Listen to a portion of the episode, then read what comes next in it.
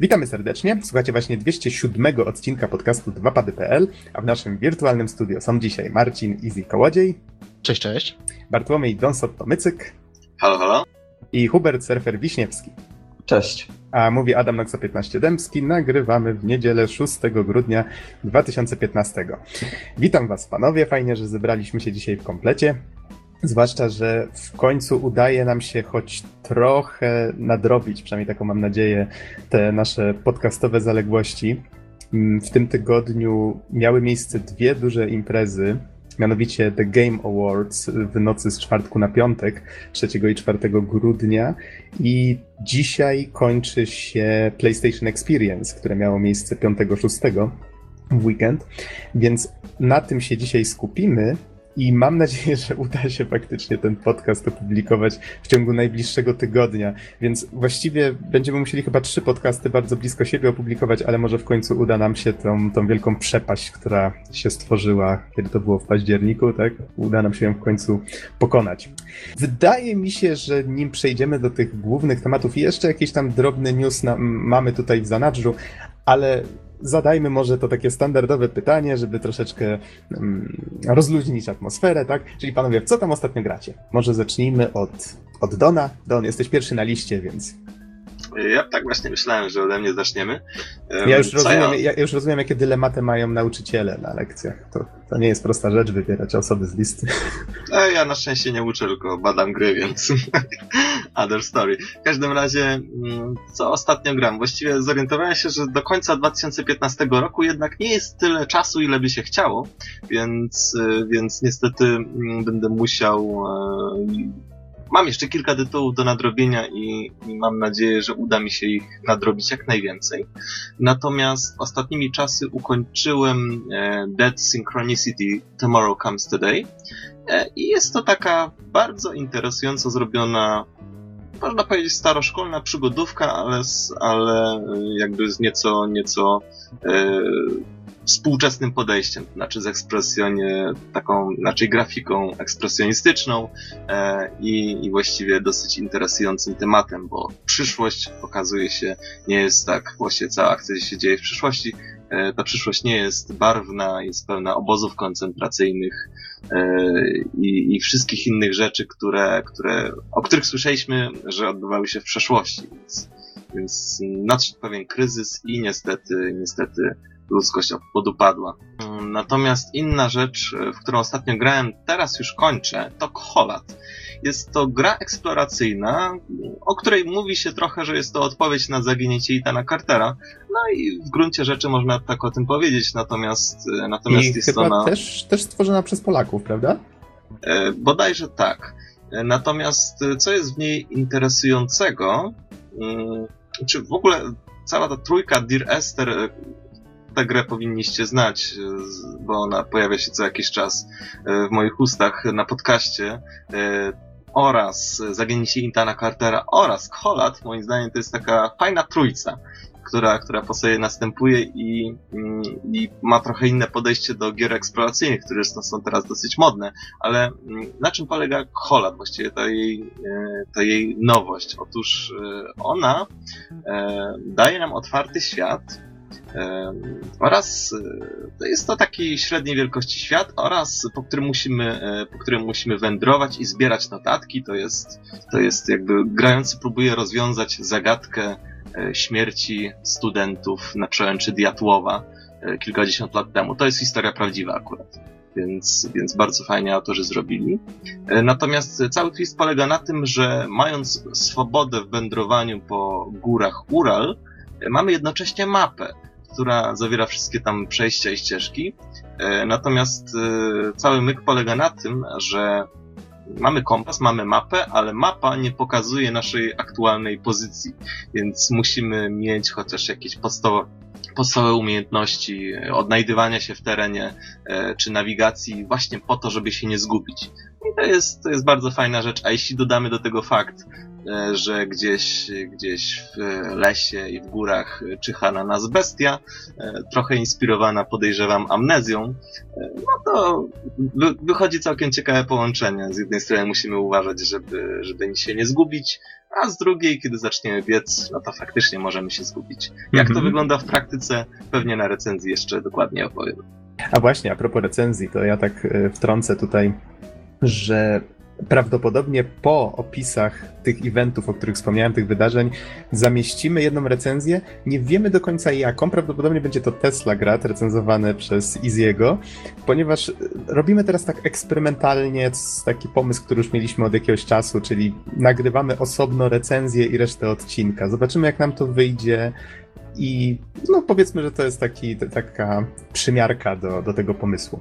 E, W każdym razie, lecąc dalej, to może tak, Easy, co ty ostatnio grałeś? Y, Ja staram się powoli zamknąć tytuły, które rozpocząłem w tym roku jeszcze. Innym słowem, cały czas cisnę Metal Gear Solid. Bloodborne'a pewnie będę starał się jakoś dokończyć, ale udało mi się jeszcze położyć moje łapska na y, StarCraft 2 Legacy of the Void i powiem tak, że jestem bardzo zadowolony w jakim kierunku to poszło. To jest świetne y, zwieńczenie całej kampanii i na pewno będzie recenzja, w której powiem więcej o tym, co się zmieniło, co dodali, e, co dodali ludzie z Blizzarda i do, e, dokładnie wyjaśnię, dlaczego warto. Mhm. Już planujemy w sumie i z tobą i z surferem porozmawiać o Until Dawn, prawda? Mm, Tak Tak. jest, to Mam też nadzieję, że- by się przydało. Mam nadzieję, że Don też się dołączy, bo w sumie tutaj taki ci- ciekawy temat z tym takim straszakiem. E, studenci zamknięci w domku i różne rzeczy ich tam zabijają. Ja co prawda gry nie przeszedłem, ale ze znajomymi pograłem, więc mam taką trochę perspektywę osoby, która grała w to jak w grę imprezową. I o dziwo się to sprawdza. Całkiem Właśnie super, nieźle. bardzo fajnie się to ogląda, bo to właśnie cały ten taki klimat amerykańskiego horroru slashera naprawdę bardzo fajnie działa na wyobraźnię. E, Jeszcze co do gierek, które pograłem, udało mi się ograć demko PT w końcu. To znaczy w sensie po prostu PT, tak? Udało ci się ograć. No tak, o to mi No bo chodziło. Taki- teoretycznie, teoretycznie to nie jest demo już, tylko po prostu PT. Tak jest przynajmniej znane, co nie? Taki skrót myślowy. Okej. No, ale bądź co bądź uda, udało się pograć yy, w, też w takim trochę imprezowym gronie, że tak powiem, w imprezowych klimatach i yy, było bardzo przyjemnie. Z chęcią bym ograł jeszcze raz, najlepiej tak samemu, w jakiś albo słuchafony, albo zestaw głośników 5.1 i wtedy by było świetnie. I, i, I co tam jeszcze? A wiem, demko Finala 15 na konsoli surfera, tutaj z nami obecnego. Yy, I szczerze mówiąc, powiem tylko tyle, że przysypiałem. Dziękuję za uwagę, dobranoc. Czyli 15 jakoś cię póki co nie zachęca. No, nie zachęca, plus do tego było późno i w ogóle, więc. Okej, a Surfer, co ty ostatnio grałeś? E, oglądałem jak Easy gra w demo Final Fantasy XV i PT. E, I- i nie, jak Prawie jakbyś grał w sumie. a, a tak na serio, to jak wrażenia? Wrażenia bardzo dobre. Uważam, że Easy'emu spodobałoby się demo Final Fantasy XV, gdyby posiedział trochę dłużej, a do PT mieliśmy zbyt imprezową e, ekipę. No ale to innym razem. E, a jeżeli chodzi o to, co ja przyszedłem, to po pierwsze Tales of Styria na PlayStation 4, której recenzję już napisałem na Inner World i też niedługo będę recenzował na dwóch padach, więc tutaj będę mógł kilka słów powiedzieć w niedalekiej przyszłości, więc może tego tematu już nie będę poruszał. No i też przeszedłem e, Until Dawn, który, e, tak jak już wspomnieliście, jest świetną grą na imprezę. Mm, e, Fajnie się przechodzi z kimś, ja akurat grałem ze znajomym, więc rewelacyjnie grało się niektórymi postaciami, gdy podejmowaliśmy takie naprawdę głupie decyzje, zupełnie nielogiczne i, i wychodziły z tego naprawdę e, e, tragiczno śmieszne rzeczy, więc e, bardzo fajnie się w to grało. Jest to całkiem niezłe zaskoczenie dla mnie, dlatego że ja pierwszy raz miałem zagra- możliwość zagrać w Until Dawn jeszcze w 2014 roku na Gamescomie i pamiętam, że wtedy mi się bardzo nie podobała ta gra. Następnie troszeczkę czytałem i oglądałem na jej temat już po premierze, ale nie bardzo wydawało mi się, że są to moje klimaty. No i następnie po kilku godzinach ogrania nadal nie miałem dobrej opinii, ale gra się bardzo fajnie, e, rozkręca i, i jest naprawdę okej. Mhm. To więcej o niej myślę powiemy na recenzji, a teraz, żeby już nie marnować czasu, a, jeszcze ja mógłbym powiedzieć, co ostatnio gram, to akurat będzie proste. Gram nadal w Personę 3 FES. I... Gdzie idziesz? Gdzie jesteś? Jak ci idzie? Skończysz do końca roku? Surfer, ser, słuchajcie, surfer mnie dosłownie przy każdej możliwej okazji męczy. Gdzie jesteś? Które piętro? Który dzień w personie? Tak, o. Już, Postanowienia już mam... noworoczne Noxa. Skończyć taki... Personę 3 FES. Już mam taki tik nerwowy po prostu. O, już, już mi oko lata. O, o. W każdym razie tak, już mam nadzieję, że, że jestem blisko końca i powiem wam, ta gra mnie wykończyła czasowo. Ja już czuję, że jestem osobą, która nie ma czasu na gry, które trwają po 90 godzin, a przekroczyłem ten magiczny próg właśnie Personą 3 i, i trochę już mnie to męczy, ale gra jest całkiem fajna i klimatyczna. No mam nadzieję, nadzieję, że też o niej opowiem na, na podcaście. A tak swoją drogą to pograłem godzinkę w Shadow Complex, bo niedawno teraz właśnie na Game Awards, o którym teraz będziemy mówić, e, zapowiedziano, że stworzono remaster, no taki remaster, jaki remaster, no ale już nie czekajmy się szczegółów. I za darmo można go sobie pobrać, jeżeli się ściągnie launcher Epic Games, czyli ten sam, przez który się tworzy Unreal Engine 4. Wystarczy go sobie zainstalować i można przez jakiś ograniczony czas, nie jestem pewien do kiedy, mm, pobrać sobie po prostu Shadow Complex za darmo. No fajna rzecz. Nie miałem okazji, a Metroidvania, więc jeden z moich ulubionych gatunków. Też myślę, że na podcaście trochę swojego czasu ten, znaczy prędzej czy później powiem. Okej, okay, lecąc dalej. Mamy właściwie jeden news, niezwiązany z tymi, z tymi imprezami, bo ostatnio staramy się raczej unikać wszelkich newsów ze względu na to, jak bardzo się czasowo nam rozjeżdża publikacja i nagrywanie. E, mianowicie na Steamie pojawiła się możliwość usuwania gier z biblioteki, taka definitywna. I zastanawiam się właśnie, co panowie macie, czy macie jakieś przemyślenia z tym związane. News jest z 4 grudnia, więc nie jest wcale taki stary. I Pierwsze, co się rodzi na myśl, nie sądzicie, że to może rodzić jakieś takie nieciekawe sytuacje w rodzaju y, ktoś dla żartu loguje się u, u, was w domu, tak? Na, na waszego Steama i na przykład kasuje wam gry, za które zapłaciliście grube pieniądze i one znikają na zawsze. Czy z tego, co rozmawialiśmy przed podcastem, to żeby dojść do tej procedury usuwania, trzeba jeszcze raz pisać login i hasło, więc e, to nie jest tak, że po prostu, przynajmniej z tego, co tutaj mi mówiono, e, to nie jest tak, że, że delete, ok, po wszystkim. E, natomiast, no ktoś, no ktoś to wejdzie do naszego domu i zrobi sobie taki żart, no to prawdopodobnie mm, albo tego nie zrobi, bo, bo nie jest taki, albo będzie się liczył z tym, że już może z tego domu nie wyjść. E, ja powiem inaczej. Myślę, że Aha. E, jakby się zgłosiło, po prostu wysłało maila do supportu Steama, to oni by cofnęli to. E, ale jeżeli będą się zdarzać takie sytuacje częściej, to myślę, że wprowadzą coś podob podobny system zabezpieczeń, jak aktualnie wszedł z wymienianiem się przedmiotami na Steamie, grami. Przede wszystkim takie, że tak jakby transakcja nie jest finalizowana jeszcze chyba przez przez trzy dni albo tydzień, nie pamiętam dokładnie, y, i dopiero po tygodniu przechodzi właśnie z jednego ekwipunku do drugiego ekwipunku gra. Więc całkiem możliwe, że zrobią coś podobnego na Steamie. Innym słowem, że masz jeszcze tam tydzień na kliknięcie, że jednak chce zatrzymać tą grę, plus do tego pójdzie ostrzeżenie mailowe. No bo ludzie mają różne pomysły, y, szczególnie znajomi, szczególnie na imprezach, szczególnie po pijaku. I mogę się założyć, że prędzej czy później będzie sporo takich tajemniczych zaginięć z biblioteki. Ktokolwiek mogę, widział, ktokolwiek wie. Mogę jeszcze w sumie dodać, y, otóż pewnie część tutaj słuchaczy kojarzy taki, taki precedens, czy takie, takie zjawisko, że na przykład na Allegro y, sprzedawany jest za jakąś symboliczną kwotę dostęp do konta z grą. E, no i mm, taki dostęp może być sprzedany nawet tysiącu osób jednocześnie. Oczywiście pod warunkiem, że każdy z, ty, z, tych osób e, będzie korzystać z tego konta, jednego oczywiście, w trybie offline. No i wtedy każdy z nich będzie mógł e, się za tę symboliczną kwotę mm, cieszyć grą. To tyle z pozytywnych stron. To same zjawisko wprawdzie nie oceniam, ono po prostu jest, chociaż ja nie chciałbym raczej z niego korzystać. Natomiast słyszałem, że jest taka tendencja, że właśnie niektóre osoby, którym zwyczajnie nie, nie odpowiada jakby taki rodzaj transakcji, czy, czy to, że powiedzmy niektórzy tak robią, yy, potrafią sobie taki, taki dostęp kupić, po czym na tym koncie tę grę po prostu usunąć. Więc yy, no, jak widać, yy, ta opcja rodzi dużo możliwości, które wcześniej na Steam nie były dostępne. No ale powiem tak, sprzedawanie dostępu do konta i to tak jest niezgodne z EULA, więc, Mhm, tak. więc w sumie ich to niezbyt obchodzi, czy ktoś usunie, czy nie z konta, do którego ma dostęp setka osób. Plus do tego to jest bardzo łatwe do wykrycia automatycznie, więc myślę, że też lecą bany za takie rzeczy. No, niemniej ktoś, kto sprzedaje dostęp do takiego konta, prawdopodobnie ma niezły ból dupy, jak coś takiego się zdarzy. tak, oszust został oszukany. Okej, ta. surfer, czy masz coś do dodania, czy lecimy dalej?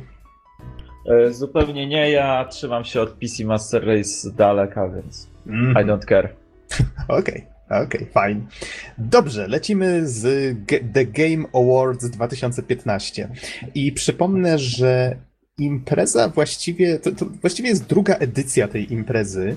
Ona wcześniej, nawet nie jestem pewien, czy powinniśmy mm, VGA, Video Game Awards i VGX traktować jako część The Game Awards. Co prawda organizator jest ten sam, bo to nadal jest Jeff Keighley, e, który wcześniej organizował to z tego co pamiętam razem z telewizją Spike, potem z, tego, z tej współpracy zrezygnował, bo wcześniej było bardzo dużo takiego negatywnego feedbacku, że to jest takie przekomercjalizowane, że jest zbyt dużo reklam, zbyt dużo bullshitu takiego typowo amerykańskiego i widocznie mm, Jeff postanowił zmienić trochę tę formułę, tak? Ale musiał zacząć to organizować sam, bardziej na własną rękę. No i rok temu zorganizował to w, w takiej sali koncertowej. Nie jestem pewien, czy to była ta sama sala, ale bardzo możliwe, że w tym roku też. Było to zrobione tak nadal po amerykańsku, nadal z reklamami, chociaż widać było, że tak bardziej dało się poczuć, że to było ważniejsze wydarzenie, żeby zrobione bardziej z klasą. Zresztą, jeżeli mnie pamięć nie myli, było zakończone e, też występem na pianinie kompozytor muzyki z Mario grał właśnie motyw, e, który skomponował, więc więc to czuć było, że to jest takie, takie fajne, zrobione z pomysłem, tak? No i myślę, że wiele osób oczekiwało, że w tym roku będzie mm, to zrobione mniej więcej na podobnym poziomie. No i właściwie chyba można śmiało powiedzieć, że nie było gorzej. No, nie było jakoś super lepiej, to już zależy od tego, czego co kto oczekiwał, tak? Bo przy okazji, oprócz tego, że są rozdawane te nagrody, y, na niektóre z nich głosowali ludzie przez sieć. Były też zapowiadane nowe, albo nowe gry, albo pokazywane nieznane do tej pory materiały z już zapowiedzianych gier, więc to już myślę zależy od tego, czy ktoś się spodziewał jakichś cudów, czy, czy faktycznie coś go pozytywnie zaskoczyło. A myślę, że przynajmniej jedna taka niespodzianka przynajmniej dla mnie była. Ale to do tego przejdziemy. I tak zastanawiam się właśnie, jak, jak podejść do, mm, do tego. Chyba nie będziemy lecieć chronologicznie, to zbytnio nie ma sensu, bo zajęłoby nam to zbyt dużo czasu. Y, Myślę, że wszystkie nagrody, czyli co kto dostał, wymienimy chyba pod koniec. Tutaj mam na Eurogamerze mm, polskim bardzo ładną ściągawkę, więc to, to powinno nam pójść w miarę sprawnie. Tutaj dodałbym jeszcze, jakich gości na przykład można było zobaczyć na scenie. Sama impreza odbywała się w Los Angeles, miała miejsce od tak naszego czasu, to była trzecia w nocy y, z czwartku na piątek, y, 3-4 grudnia. I no na przykład, no Reggie z Nintendo był, y, Reggie Fizame oczywiście, Y, kogo jeszcze mam wynotowanego? Był Troy Baker, który zażartował sobie, że jak zacząć przygodę z voiceoverem? Przede wszystkim trzeba sobie kupić dobry mikrofon i poczekać aż Nolan North umrze. Więc takimi żartami też strzelali. Był jeszcze na przykład Phil Spencer. Te osoby, które wymieniam, one często były zaproszone po prostu po to, żeby przeczytać, kto wygrał daną nagrodę. Byli oczywiście nominowani, z którymi, no, też nie zawsze trzeba się zgadzać, wiadomo, to z tego co się orientuję, osoby, które decydowały o tym, kto był nominowany w danej kategorii, to są różni redaktorzy, czy różne osoby z branży, głównie dziennikarze w każdym razie, growi z całego świata. Był Kiefer Sutherland, czyli nowy głos Big Bossa, e, był Mark Hamill, była Jade Raymond, z, ona już w tej chwili chyba nie pracuje w Ubisoftie. E, Swoją drogą, Mark Hamill zrobił świetny, świetny manewr, bo oczywiście jako głos Jokera, tak, skorzystał z tego, czy ktoś mu doradził, że skoro jednym z nominowanych jest Batman Arkham Knight, no to powinien tam coś odwalić jako, jako Joker. I, I też dorzucił tam troszeczkę od siebie. Coś w rodzaju, że nie, nie obstawiajcie, nie obstawiajcie mnie, bo ja z reguły przegrywam, tak? Głosem Jokera. No ale ten, faktycznie Batman e, Arkham Knight wtedy nie zdobył nagrody. Nie pamiętam już za co to było. Mm, Best Action Adventure Game. Aha, tutaj mam zanotowane. No tak jak mówię, zaraz zwycięzców e, przeczytamy.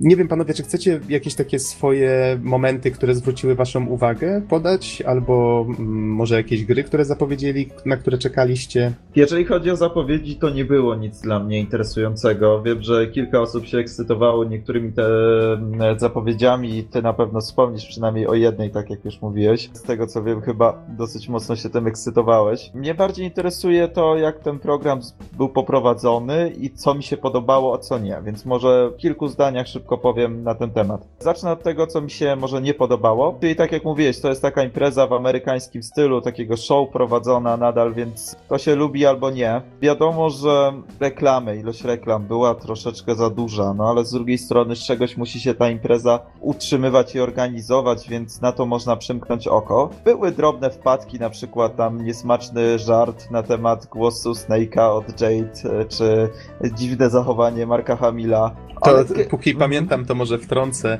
Mhm. Gdzieś wyczytałem, że no, po Jade było to bardzo widać i jestem w stanie uwierzyć, że to prawda. Po Marku Hamilu już niekoniecznie, chociaż być może też, ale ludzie twierdzą, że byli pijani na scenie. Po Jade Raymond można było łatwo poznać, bo wiem, że to nie wypada tak mówić o damie, że była pijana, ale, ale to było bardzo widać, bo po pierwsze strasznie wolno czytała z promptera, tak jakby starała się zebrać myśli.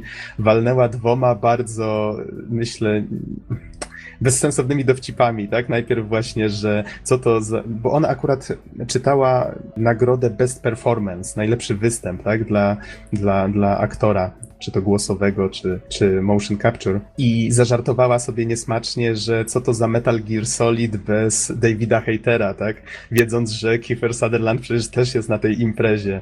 A, a potem jak czytała już nagrodę, to nagrodę zdobyła mm, aktorka, która była w Her Story. A ona, czyli Jade, jednocześnie czytając, kto wygrał, powiedziała Her Story, Wiedźmin 3, tak? I what? Znaczy Herstory, w sensie tutaj przeczyta imię i nazwisko tej aktorki, Wiedźmin 3 i tak wszyscy, co, co, co się stało? Kto w końcu wygrał, tak? Więc coś dziwnego się stało wtedy z panią Raymond, nie jestem pewien, ale no nie było to raczej zbyt, zbyt fajne, tak? A po Marku no, Hamilu nie było mhm. kompletnie widać. W każdym razie były też rzeczy, które mi się podobały i bardzo mi się podobało to w jakim stylu pokazali hołd, oddali hołd Satoru Iwacie, czyli już nieżyjącemu od kilku miesięcy prezydentowi Nintendo. Właściwie e, prezesowi po polsku. Prezesowi, przepraszam, mm -hmm, tak. Mm -hmm. Więc tutaj e, bardzo fajnie tak ze smakiem było to zrobione. Geoff opowiadał troszeczkę o jakimś tam e, ich ostatnim spotkaniu, następnie na scenę wszedł Reggie, czyli prezydent Nintendo of America. Dobrze mówię? Mm. Chyba tak, chociaż nie pamiętam dokładnie. Nie kojarzę tych wszystkich tytułów. Tak, więc on troszeczkę też poopowiadał, później był taki, można powiedzieć, mini koncert, więc fajnie to było zrobione tak naprawdę ze smakiem. To można było bardzo łatwo spieprzyć, ale udało mi się to zrobić jak należy. I druga sprawa, to bardzo mi się podobało to, jak Jeff był szczery do bólu w kwestii Kojimy i tego, dlaczego nie pojawił się na imprezie, bo tak jak wspominałeś, nowy głos Snake'a pojawił się na imprezie, powiedział, że odebrał, odbiera w imieniu Hideo Kojimy nagrodę za to Best Action Game, no i wszyscy się zastanawiali, czy to zostanie zamiecione pod dywan, dlaczego nie ma Kojimy, skoro miał być, czy, czy coś jednak tutaj się wydarzyło. No i okazało się, że do Hideo zadzwonili prawnicy Konami i poinformowali go, że nie może się pojawić na imprezie i odebrać statuetkę za swoją grę, więc... Tak, że odradzają mu jakiekolwiek mm. pojawianie się na wszelkich rozdaniach, czy tego typu rzeczach. Do, mhm. Dokładnie tak. Co swoją drogą też śmieszne było, bo ile dobrze pamiętam, to nigdzie nie pojawiła się nazwa firmy Konami, zawsze pojawiało się Kojima Production. Więc widać, jak bardzo Geoff był też zniesmaczony tą sytuacją, twierdząc, że Kojima jest jego przyjacielem.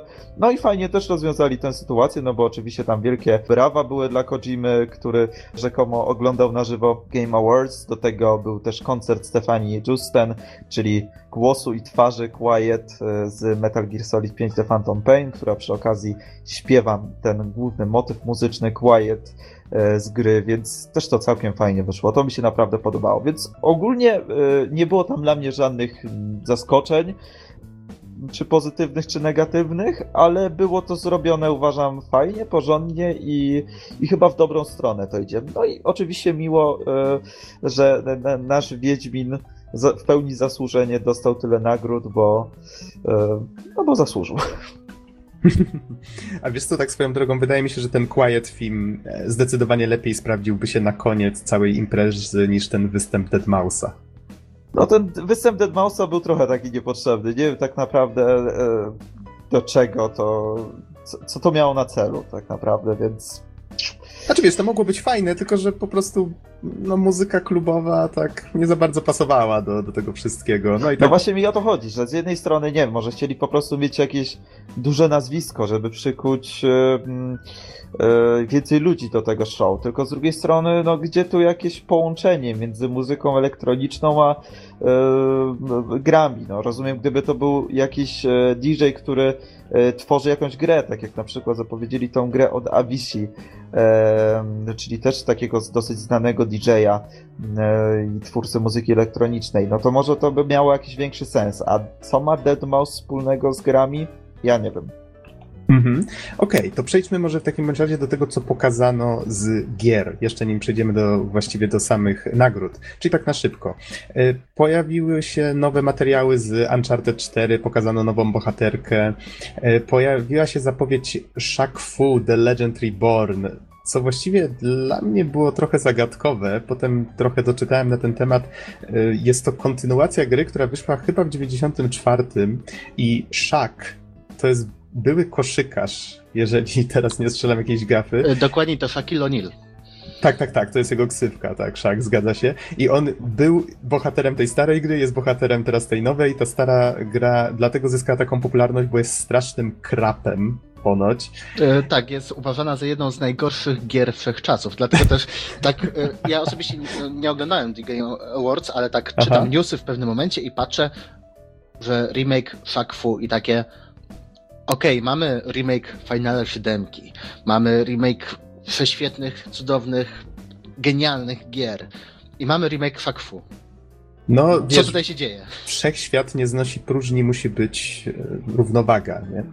E, w każdym razie, jeżeli o mnie chodzi, to na mnie wrażenie największe to zrobiło to, jaki ten facet jest wielki. Jak tylko wręczał nagrodę, to dosłownie czterech gości przed nim stało i od każdego było głowę wyższy. Przynajmniej o głowę. No, on ma 2 metry 15 centymetrów. Wow, okej, okay, okej, okay, ale w każdym razie to było trochę zaskakujące. Um, fajna rzecz, mianowicie zapowiedziano grę z Batmanem od Telltale. Ma mieć premierę w 2016. Jestem bardzo ciekaw, co Telltale zrobi z historią Batmana, Bruce'a Wayne'a. To może być naprawdę coś bardzo fajnego, jeżeli skupią się na postaciach, a nie na, na akcji. Zwłaszcza, że to uniwersum, jak i sama postać Batmana czy super złoczyńców są bardzo płodne. Bardzo, myślę, że mają bardzo duży potencjał, jeśli chodzi właśnie o, o fabułę, może nawet nieco głębszą, niż można by się spodziewać. No ja właśnie mam nadzieję, że oni coś takiego zrobią w swoim stylu, co nie? Pokazywano trochę fragmentów, yy, chyba że ty Izzy coś jeszcze widzę, chcesz dodać, czy nie? Yy, ja tylko się boję, że to będzie kolejne, kolejne takie uniwersum, do którego przyłożą swoją gigantyczną formę do tworzenia gier i po prostu będziemy mieli takie oderwanie trochę fabuły i klimatu od mechaniki i mam nadzieję, że się mylę. Mhm. Ale nie, jakoś no te, te nie, nie jaram się aż tak, tym aż tak bardzo. I właśnie nie przez to, że to jest Batman, tylko przez to, że to jest Telltale. Okej, okay, to też są uzasadnione obawy, bo oni faktycznie mają już taką foremkę i tylko przykładają ciach, ciach, ciach i masowo wypluwają te gry, to też prawda. E, pokazano trochę fragmentów z, jakiego, z jakiejś nowej serii dokumentów opowiadających o e, twórcach gier indie na silniku Unity. O tym akurat więcej nie powiem, bo nie za bardzo znam szczegóły. E, pokazano nowy gameplay z Far Cry Primal, czyli z przeniesienia tej idei otwartego świata na, na czasy prehistoryczne. Mamy jakieś szablozębne tygrysy, mamuty i inne tego typu rzeczy i taka, taka wariacja na temat pradawnych czasów. A, tutaj mam jeszcze zanotowane, był jeszcze występ muzyczny zespołu Churches ze Szkocji. To, to w sumie o tym nie wspominałem. Taka bardziej ciekawostka. Z tego co mówili, to jest zespół um, ufundowany chyba na, czy tam którego płyta była ufundowana na Kickstarterze. Z, z rzeczy growych pokazywano też zwiastun Lego Marvel Avengers. Gra ma mieć premierę 26 stycznia 2016. To kolejny przykład, jak znane marki są tak wałkowane w jednej foremce non-stop. E, Psychonauci dwójka, właśnie. Tim Schafer wyszedł na scenę i to była dla mnie taka największa niespodzianka tego wszystkiego, bo Psychonautów dwójki kompletnie nic a nic się nie spodziewałem, więc to jest jedna właśnie z takich fajnych niespodzianek, na które człowiek, e, których człowiek oczekuje, tak, ale nie wie nigdy co, co wypadnie. No to tutaj właśnie to była dla mnie taka niespodzianka. Mogę No. być znowu pesymistą? No proszę bardzo. E, Znowu, znowu Tim Schafer i Double Fine Studio robią zbiórkę na Kickstarterze. E, Tam w 24 godziny zebrali znowu jakieś niewyobrażalne ilości pieniędzy, ale znowu tutaj muszę wyrazić swoje obawy, bo jednak Double Fine, Kickstartery i robienie gier ostatnio nie wygląda aż tak dobrze.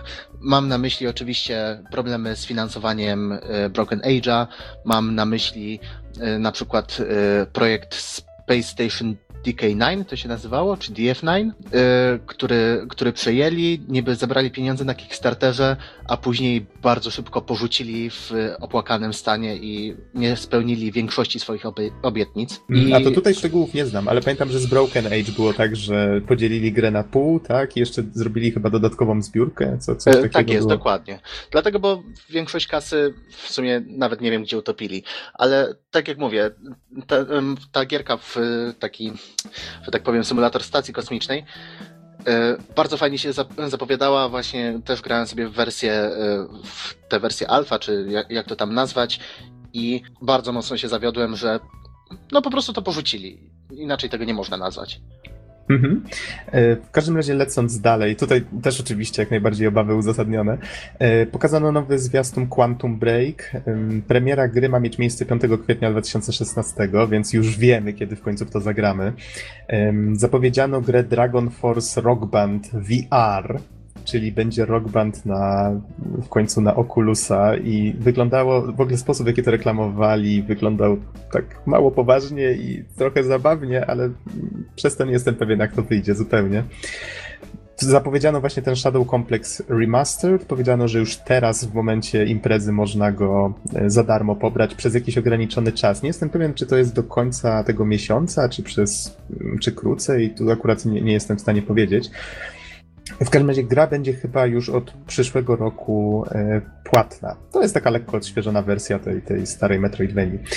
E, zapowiedziano jakieś DLC do Rocket League, e, coś chyba z samochodzikami wzorowanymi na Gears of War, Halo i inne rzeczy od Microsoftu i to ma być w lutym 2016. Tak znaczy samo to do... nie jest DLC, to jest Aha. e, ta gra po prostu pojawi się na Xboxie One, bo na razie Aha, e, jej nie było na tej platformie, więc to jest dosyć duże zaskoczenie w sumie, biorąc pod uwagę, że twórcy gier online niechętnie wrzucają swoje gry na Xboxa One, dlatego że Xbox One nie pozwala na granie z innymi platformami. Na przykład e, w przypadku Final Fantasy XIV, Realm Reborn, grając na PC, może grać z ludźmi z PS4. W przypadku Xboxa One nie wyrażają takiej zgody, dlatego na przykład e, Final Fantasy XIV nie ma na Xboxie One. Mhm, Okej.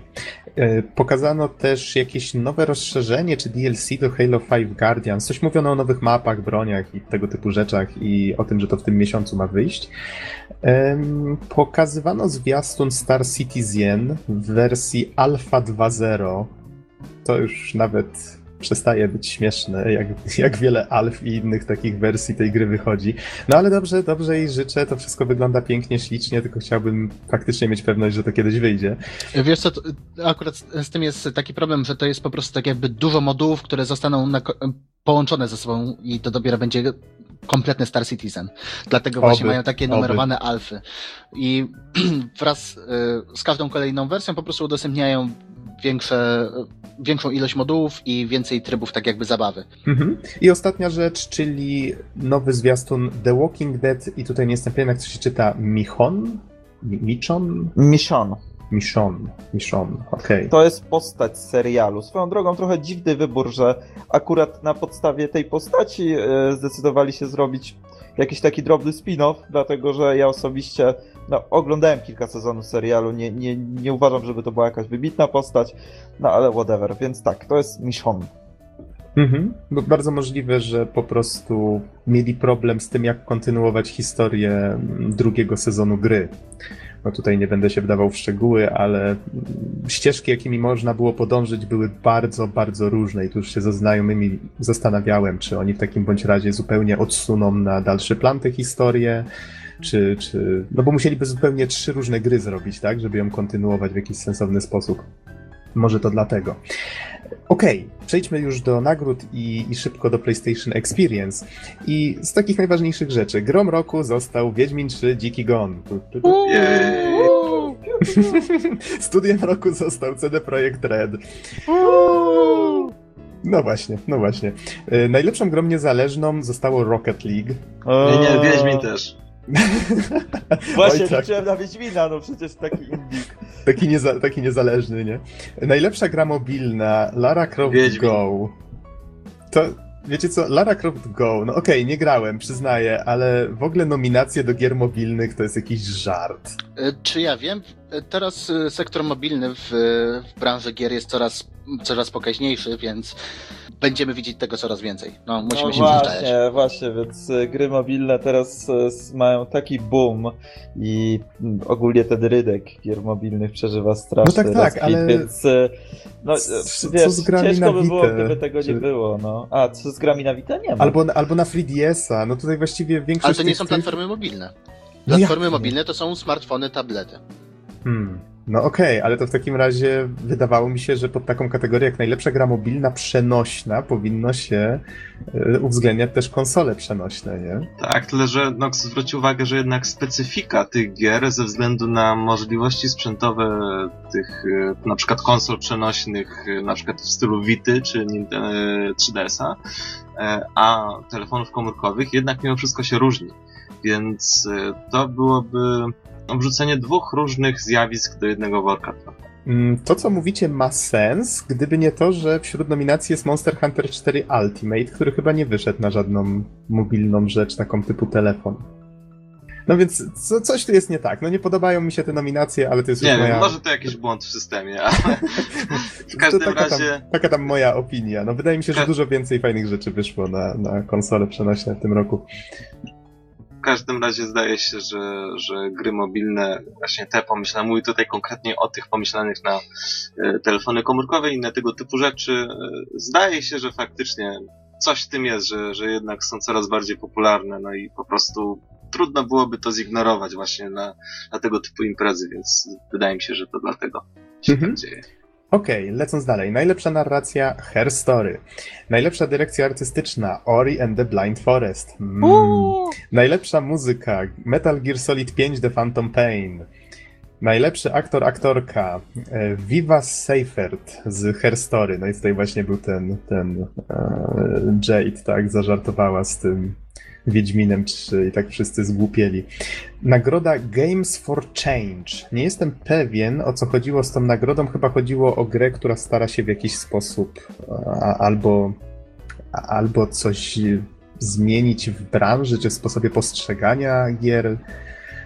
Nie pamiętam dokładnie, wolę tutaj nie strzelić jakiejś gafy. W każdym razie Game, Games for Change zostało Life is Strange. E, najlepszą strzelankę, najlepszą strzelanką tego roku został Splatoon na Wii U. Nice. E, to jest ciekawe, bo pokonał Call of Duty Black Ops 3, Destiny, Halo 5 i Star Wars Battlefront. Akurat w przypadku Call of Duty myślę, że to wcale nie jest zdziwienie. Ale wielkie gratulacje dla Nintendo. Najlepszą przygodową grą akcji został Metal Gear Solid 5 The Phantom Pain. Najlepszą grą RPG został Wiedźmin 3. Tan, tan, tan, czyli to już kolejna nagroda dla nich. Najlepszą bijatyką Mortal Kombat X, czy właściwie 10. Czemu? Eee, Mortal Kombat jako bijatyka. No dobra, rozumiem, że rok 2015 nie obfitował w bijatyki, no ale... No ale nie. Okej, okay, Easy jest niepocieszony tą kategorią. E, najlepsza gra rodzinna tutaj znowu Splatoon, najlepsza gra sportowo-wyścigowa Rocket League, najlepszy tryb sieciowy Splatoon po raz kolejny, e, najbardziej oczekiwana gra 2016 No Man's Sky, i tutaj już się zaczynają takie nagrody trochę nie w moich klimatach, czyli esportowy zawodnik roku Kenny Kenny S. Shrub, który gra w Counter-Strike Global Offensive w Team Envias. Jakbym coś źle mówił, to Easy, proszę popraw mnie, bo ty się lepiej orientujesz w tych tematach.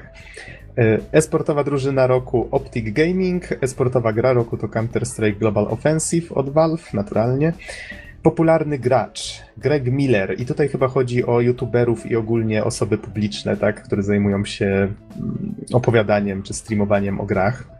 Chociaż muszę przyznać, o, o tym gościu chyba wcześniej nie słyszałem, ale jak wyszedł na scenę i zaczął nawijać, to stwierdziłem, ma gość gadane. Zdecydowanie. E, wiesz co, Greg Miller był e, wcześniej jednym z redaktorów IGN, oni teraz e, tam taki odłam się zrobił, odeszło kilka osób i prowadzą m.in. podcast PS I Love You Sok Sok i Kinda Funny Games chyba nazywa się ich kanał na YouTubie. Wiesz, Greg Miller mi kiedyś bardzo mocno podpadł, bo e, tutaj e, trochę wyprzedzę temat, on kiedyś stwierdził, że Crash Bandicoot to jest taka przehypowana gra i że nikt tego nie potrzebuje. Stwierdziłem, Boże, co za, No Co za- rację. co za ignorant i buc i w ogóle, ale nie, trzeba przyznać, że oni naprawdę na poziomie to robią i no i w sumie taka chyba zasłużona dosyć nagroda. Tutaj nasi słuchacze może nie znają kontekstu, surfer jest maniakiem Crasha. Ale to jeszcze wyjdzie za chwilę. Ale to jeszcze wyjdzie za chwilę, tak. I najlepsze dzieło fanów, czyli ostatnia nagroda Portal Stories Mel. Też nie grałem, ale widziałem zwiastun tego, mm, tej kampanii i wyglądało to całkiem zachęcająco. Okej, lecąc dalej, czy macie jeszcze jakieś uwagi co do samego The Game Awards? Czy przechodzimy już do PlayStation Experience? Ode mnie nic. Dobrze, czyli jeżeli nikt nic nie mówi, to ja już chowam notatki z jednej imprezy, otwieram notatki z drugiej imprezy i mamy PlayStation Experience 2015, czyli imprezę, która się odbywała w ten weekend 5-6 grudnia i o 19 zapisałem sobie we wtorek, nie wiem czemu. O 19 w sobotę był, czyli wczoraj, była konferencja. Trwała niecałe dwie godziny. Właściwie tak jak Sony zapowiedziało, że nie będzie ich w tym roku, z tego co pamiętam, na Gamescomie, tak? To było. Byli na Tak. Paris Games Week i, i byli właśnie, mieli teraz właśnie swoją imprezę, więc to były takie dwie konferencje o nich pod koniec roku. I co oni właściwie na niej pokazali? Był nowy zwiastun e, Uncharted 4, którego nie widziałem, bo szczerze mówiąc nie chcę sobie już spoilować bardziej tej gry. Nie wiem, czy ktoś z was widział? E, Wiesz co, powiem ci mhm. tak, że to jest e, prawdopodobnie sam początek gry, więc wszystko co... Nic nowego nie pokazali. O, powiem tak, E. Znaczy Okej. nie, jak dla mnie, znaczy wiesz, może nic takiego super nowego, ale z drugiej strony e, ten wstęp naprawdę mnie zaintrygował. I e, wow, jest z jednej strony trochę humorystyczny, a z drugiej strony dosyć poważny, bo dzieje się coś mega ważnego w życiu Nate'a na samym początku gry, więc jak, jeżeli o mnie chodzi, to ja się trochę nahypowałem. E, Bardzo mi się podoba oczywiście graficznie, ruchy ust postaci, twarzy, mimika i tak dalej, no to jest w ogóle jakiś niewyobrażalny poziom, więc nie wiem, oni tam chyba nie pracują na żadnych devkitach, tylko po prostu czarują i nie, nie wiem co oni w tym Naughty Dog robią, ale E, to, taki- jest, to jest niesamowite po E, prostu. Taki fun fact, nie? E, Ogólnie jak przerzucali się z produkcji właśnie tam Jackie Daxter i tak dalej na Uncharted'a, to mieli całkiem spory problem, dlatego bo większość ludzi jak, jak e, animatorzy tworzyli właśnie animacje, to tworzyli tak zwaną e, techniką keyframe'ów, czyli tak jakby wsadzali klatki kluczowe i ręcznie wszystko ustawiali i animowali. I dopiero powoli się przerzucali na motion capture, dlatego bo nie było sposobu, żeby się wyrobili z projektem. I na przykład w Unchartedzie 1 wszystkie animacje ruchu tak jakby są e, z motion capture, ale mimika twarzy jest wszystko ręcznie robiona przez animatorów. Tak, Hmm. to jest taka No proszę. ciekawostka. No i jeżeli by to chcieli robić w dzisiejszych czasach, to, to chyba byś, byśmy gry widzieli raz na 20 lat. E, Nox, pozwól, że tutaj e, powiem ja dwa słowa od siebie, wiesz? Ależ muszę, proszę, bo już wiem, co muszę. chcesz powiedzieć. Więc zakończyło się wspaniałym trailerem Uncharted 4, no więc oczywiście zaczęli z pompą. Na scenę wszedł Sean Layden, czyli e, CEO e, Sony Computer America. W koszulce, America, tak. co w koszulce e, z Crashem. Oczywiście jakby inaczej, więc tutaj jeżeli ktoś nie jest za mocno w temacie, Crash E. Bandicoot to jest taka e, seria platformówek, która zaczęła się w czasach e, jeszcze pierwszego PlayStation. E, była mega szałowa, sprzedała się bardzo dobrze i ona była wtedy e, produkowana przez właśnie wspomniane wcześniej Naughty Dog. Z tym, że niestety e, przez to, że Naughty Dog nigdy nie miało pełni praw do marki, były tam różne zawiłości z różnymi firmami, e, z Universal i tak dalej. Wreszcie to wszystko trafiło w łapska Activision, e, które zaczęło tworzyć gry już takie troszeczkę gorszej jakości. Tam jeszcze niektórzy się spierają, że Twin Sanity było, czy Crash Bandicoot 4 było całkiem niezłe, no a później już była taka tendencja e, spadkowa. No więc fani teraz błagają o tego Crasha, odkąd tylko PlayStation 4 zapowiedzieli, gdzie swoją drogą e, na zapowiedzi PlayStation 4 e, w marcu bodajże 2012 albo 2013 roku, już nie pamiętam, w którym zapowiedzieli PlayStation 4, zrobiło też Sony swoją, e, tak, swój taki event. Mark Cerny, jak wychodził na scenę, to też oczywiście grała muzyka z Crasha. Po drodze była masa różnych hintów, zapowie- takich e, niby małych em, zapowiedzi, takie jakby w różnych trailerach, teaserach e, związanych z PlayStation. No i oczywiście e, sama wybuchła, e, zaczęli ludzie krzyczeć, zresztą ja też zacząłem krzyczeć, co Easy może potwierdzić. E, No i e, Sean powiedział, że skoro tak zaczęliśmy, to możecie sobie wyobrazić, jak skończymy. No i e, skończyli, skończyli dosyć słabo. To tak od razu zaspoileruję. E, No i Crash się nie, nie pokazał. Oczywiście mam nadzieję, że pojawi się na E3, że to będzie taki po prostu coroczny już troll, tak jak w wykonaniu ha, nie, nie, przepraszam, żebym nie przekręcił nazwiska pana ze Square Enix, który w tamtym roku zapowiadał Final Fantasy VII w HD, e, czyli e, edycję ze Steama g- gry Final Fantasy VII na PlayStation 4, pokazując ją na początku tak jakby to miało być, miał być remake. Ostatecznie remake został zapowiedziany, e, więc mam nadzieję, tak jak i wiele innych osób, tak jak czytam na różnych forach, e, że na E3 w 2016 roku, czyli na 20-lecie serii, dostaniemy kolejnego porządnego crasha od Sony. Oby. E, Mógłbym jeszcze Mhm. tutaj coś E, dodać? I płakałem.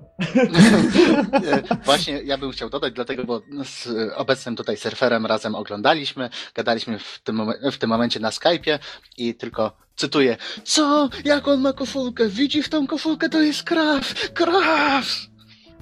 Okej. Koniec cytatu. Y, Surfer, to teraz wiesz, jak ja się czuję, kiedy Reggie wychodzi y, na którymś VGX-ie czy VGA ze spinką Samus Aran na, na garniturze, albo Przecież jak... dostałeś nowego Metroida na 3DS-a, o co ci chodzi? Czy masz na myśli y, Federation Force? Dostałeś nowego Metroida. Wiesz, masz co chciałeś. Ym, Okej, przejdźmy dalej. panowie, panowie, no, to wtedy może, to może teraz ja przejmę, przejmę e, władzę nad e, podcastem, bo jak chcecie, to pójdźcie gdzieś tam w kąt się pobić. To tak, zaraz po, e, po Unchartedzie i po Fonie Leidenie z koszulką Crash Bandicoota e, pokazano kolejny zwiastun mm, Final Fantasy VII Remake i oprócz tego, co już widzieliśmy, tak na dobrą sprawę, pokazano jak to będzie wyglądało gameplayowo. Więc będziemy mieli dynamiczną akcję i system wyciągnięty z Finala 15, tak plus minus, jeżeli się nie mylę. Możecie zapomnieć o ATB, nie będzie aż tak fajnie. Ale właśnie, jakie jest wasze zdanie na ten temat? Bo oczywiście też w sieci wrze. E, raczej nie spodziewałem się, że zobaczymy system walki e, turowy. E, bardziej tutaj ludzie się doszukują porównań do serii Kingdom Hearts, czyli właśnie taki e, niby system dosyć dynamiczny e, i tak dalej, ale z drugiej strony polegający na wyborze jakichś tam konkretnych akcji, tak jak atak czy obrona, które pojawiają się w menu. E, Ale dobra, muszę, muszę dwa słowa, wybaczcie, dodać nas na ten temat. To, co mi się bardzo podoba, to oczywiście stylistyka, klimat, grafika, którą zachowali i tak dalej. E, Nowy design Clouda i całego składu Avalanche, e, Midgar, które jak na razie pokazali, wygląda super. Jak na razie tylko nie mogę się przekonać do głosu i okularów Barreta, ale sądzę, że to w pewnym momencie po prostu już stali się dla mnie naturalne. W każdym razie od wczoraj chyba ze 30 razy już oglądałem ten trailer, łącznie z jakimiś analizami, reakcjami fanów i tak dalej, więc to troszeczkę mi osłodziło tego crasha, ten brak tego crasha. E, dla, dla samego tego Final Fantasy VII zdecydowanie warto było obejrzeć to wydarzenie. No to tyle ode mnie. Hubert, musisz po prostu e, przyjąć tą kiczowatość postaci Barreta i będziesz musiał z nią żyć, przykro mi. Oj tam kiczowatość, on jest taki badasowski w starym stylu. Właśnie, on jest, Tak, fajna jest ta postać, trochę taki, taki przerysowany, tak. E, a jeszcze swoją drogą, to co mi się bardzo podoba, dwie rzeczy jeszcze bardzo szybko. E, Bardzo mi się podoba, jak zrobili Wedge'a, czyli tego sympatycznego grubaska z Avalanche. Ma świetny głos, niczym Badger z The Breaking Bad. Bardzo fajnie pasuje. A do tego, co mnie zainteresowało, że pierwszą kobietą, którą widzimy w nowym remake'u jest Jessie, co oczywiście no, z punktu widzenia tego, jak tam e, to się rozgrywa fabularnie, jest logiczne, ale z drugiej strony raczej myślałem, że pokażą Iris, Tiffę, czy, czy jakąś inną ważną postać kobiecą, a tu zaczęli od e, Jessie z Avalanche i żadnej innej kobiety nie pokazali. Swoją drogą jest to dosyć ciekawe, bo mam wrażenie, że e, specjalnie skupiają się aż tak mocno na tym składzie Avalanche, żeby właśnie ich polubić e, bardziej może nawet niż w przypadku oryginału, Mm, co jest dosyć ciekawym zabiegiem jak dla mnie. Gdyby pokazali teraz na przykład Tiffę, nikt by nie wspomniał o Avalanche, a przez to, że pokazali tylko e, dwójkę pierwszych bohaterów i ten nasz dodatkowy skład poboczny, to mam wrażenie, że e, dużo bardziej przez najbliższe miesiące ludzie skupią się na tym temacie. E, Tak, ale zauważ też, że po prostu skupili się na samym początku gry. Że tak jakby chcieli pokazać, że popatrzcie, my od samego początku przerabiamy wszystko, przerabiamy dużo i będzie super. Dobrze, no panowie, tak, panowie, ale panowie, Aeris tak wiecie, się pojawia też się... na samym początku, prawda? Więc wiesz, e, samo Ale nie, w intro, tych, prawda? ale nie w trakcie samego tego reaktora. Ja wiem, że to panowie budzi olbrzymie, olbrzymie emocje, ale przejdźmy dalej, bo mamy jeszcze masę innych No rzeczy. dobrze, dobrze, kontynuuję. Final Fantasy VII. To wiesz co, to może easy, to może ja w takim razie tak przyspieszę. No ten remastered z PC ma trafić na PS4, w dniu konferencji właściwie trafił. Ale tu musisz ważną rzecz dodać, bo to prawie No, no. nigdzie nie jest podane, że przy e, w momencie zakupu e, tej gry na PlayStation 4 e, dostajesz też darmową motyw na PlayStation 4, inspirowany dźwiękami ze starego Final Fantasy VII, a w tle są grafiki z nowego Final Fantasy VII. Swoją drogą wygląda on rewelacyjnie, więc jeżeli ktoś nie widział, a zastanawia się nad zakupem tego Final Fantasy VII HD, które już jest dostępne e, do kupienia na PlayStation Network, to polecam jeszcze sobie e, zobaczyć ten motyw na PlayStation 4, bo jest jak na razie jednym z najpiękniejszych. Mhm. Okej, okej. E, Widzę, że Don musisz już lecieć, tak? Tak, niestety. E, tak to niestety czasem jest, że, że trzeba trochę wcześniej się zmyć, więc e, dzięki chłopaki za podcast, pewnie udany, e, więc możecie, możecie potem powiedzieć, że przewidziałem przyszłość. Natomiast e, do naszych słuchaczy do usłyszenia w następnym odcinku. Cześć. No, trzymaj się, cześć, cześć. Dzięki. Razie Cześć, cześć. E, Lecąc dalej, jeżeli Easy chcesz wspomnieć, e, rozwinąć się na temat jakiejś gry, to mów, ja postaram się po prostu swoim super szybkim E? tempem lecieć przed siebie. To znaczy, ja tak chciałem chwilę pomówić, bo tak już przechwytujesz tutaj cały spotlight. No dobrze, dobrze, no to No. trzymaj, tylko pamiętaj, staramy Szybko. się Okej, 20 spoko. minutek to opędzlować E, wszystko. 20 minut, go. Słuchajcie, Go, dalej. tak. Call of Duty, Black Ops 3. Paczka DLC z, ma z mapami 30 dni przed innymi platformami. Wow, PS4 i, i te, i Season Passy. Uuu, super. Wcze wczesny 2016 rok, plus do tego bardzo ważna wiadomość dla fanów Call of Duty. Startuje Call of Duty World League, czyli innym słowem Światowa Liga rozgrywek w Call of Duty, więc będziemy mieli teamy e- e-sportowe, będziemy mieli nagrody pieniężne. E-sport się rozkręca. Dalej pokazano trochę Star Wars Battlefront. W sumie mało mnie to interesowało. Tam tylko wspomnieli, że będzie jedna dodatkowa mapa, y, która, y, to, która się będzie, y, akcja się będzie działa na planecie, która będzie w filmie. I ta mapa wyjdzie dwa tygodnie przed filmem, czy tydzień przed filmem, o. Więc tutaj taki ukłon w stronę, y, w stronę fanów Gwiezdnych Wojen. Y, Dalej, Disney Infinity Czy, czy, to 3.0. jest, czy to jest Battle for, of Yaku DLC, które ma, miało być grywalne na samej imprezie, tak? To jest to? E, A to nie jest do Disney Infinity? Nie, czekaj. E, Tutaj patrzę- Wiesz co, chyba, chyba trochę pomyliłem Chyba notatki. no. Tak, to było do Battlefronta, tak, tak. tak. Tak, bądź co bądź. Planeta się nazywa Czaku i tak jak mówiłem, pojawia się, pojawia się w filmie, w grze będzie wcześniej. Dalej było nieco Infinity 3.0, Disney Infinity 3.0, więc y, tam postacie z Gwiezdnych Wojen i takie klimaty. Mm, Okej, okay. następnie Gearbox Software, Randy Pitchford wychodzi na scenę i mówi o Battlebornie. Mówi czyli... bardzo, bardzo długo. Tak, mówi długo i do tego jeszcze mówi nic ciekawego. Zamiast pokazać nam jakiś gameplay, pokazać dlaczego ta gra jest fajna, to mówi, że jest super gra, jest dynamicznie, mamy singla i mamy multi i będzie fajnie. I w ogóle to będzie fajnie, ale to obczajcie sobie, bo będzie fajnie. Nie? Tak... Wiesz co, strzelę teraz niesmacznym żartem, pewnie pił z panią Jade. Całkiem możliwe. Ale no, tak jak mówię, nie pokazali nic ciekawego, o Battlebornie powiedzieli tyle, że 25 postaci, yy, PvP, kampania solo, coop, split screen. Yy, ogólnie każda postać będzie miała inne umiejętności.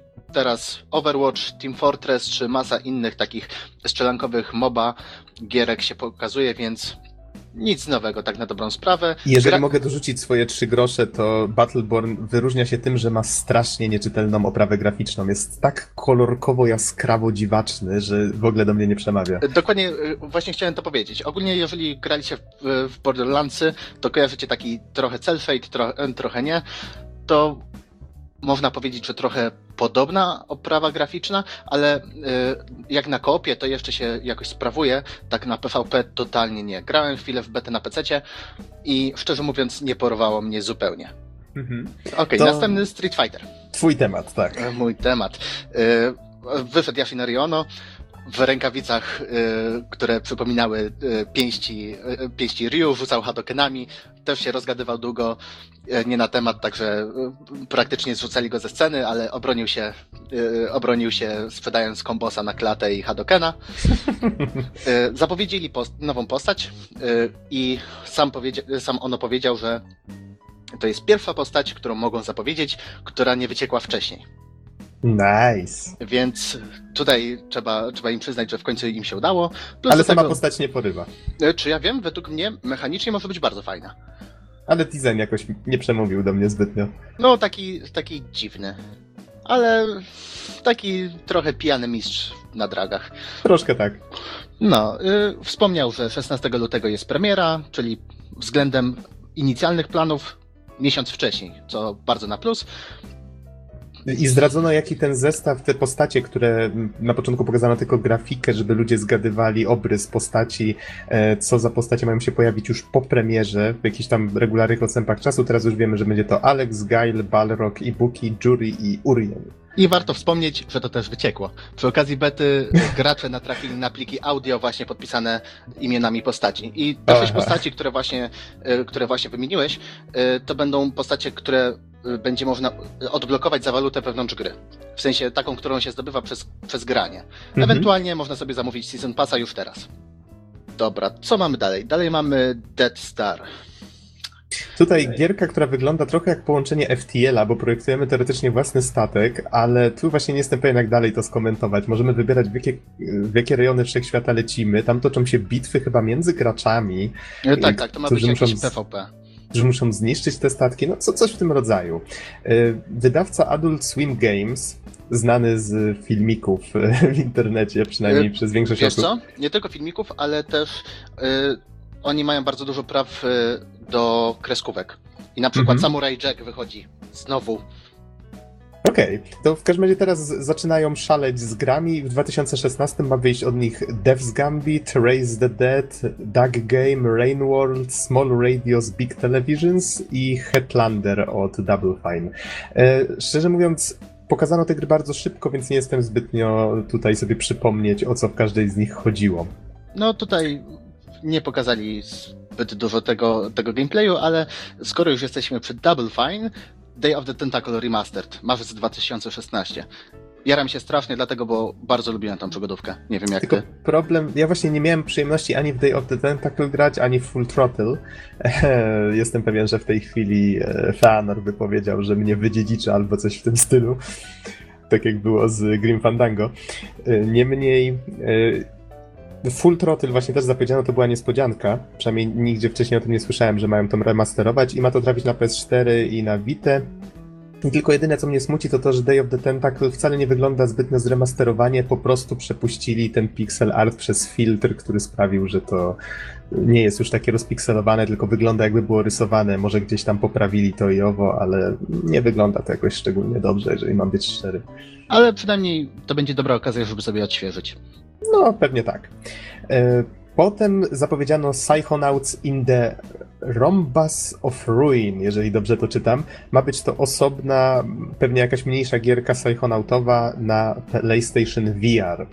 E, potem pojawiła się gra Invisible Incorporation, a dokładniej chyba ona już wyszła wcześniej, tylko że teraz zapowiedziano, że wyjdzie też na PS4 w 2016 i tutaj zaczął się taki blok masy różnych gierek, więc myślę, że szybko przez nie przylecimy. Don't Starve Together ma trafić na PS4, jakiś JRPG, który się nazywa Zodiac Orkanon I właśnie o tym, Odyssey. o, o tym pozwól, że powiem dwa słowa, dobra? No Bo proszę, to- jeżeli, To jeżeli jest, coś to jest wiesz, to... właśnie jakiś joterpek, ale tutaj em, bardzo dużo osób związanych z em, Final Fantasy Tactics, Final Fantasy XII i chyba Vagrant Story będzie e, tworzyć. Muzyka brzmi bardzo podobnie jak muzyka em, Hashimoto. Sakimoto, kurde, czekaj, wiesz co, straszną wtopę teraz robię, nie wiem dlaczego mi wyleciało Okej. e, z głowy nazwisko kompo kompozytora to się muzyki. wytnie.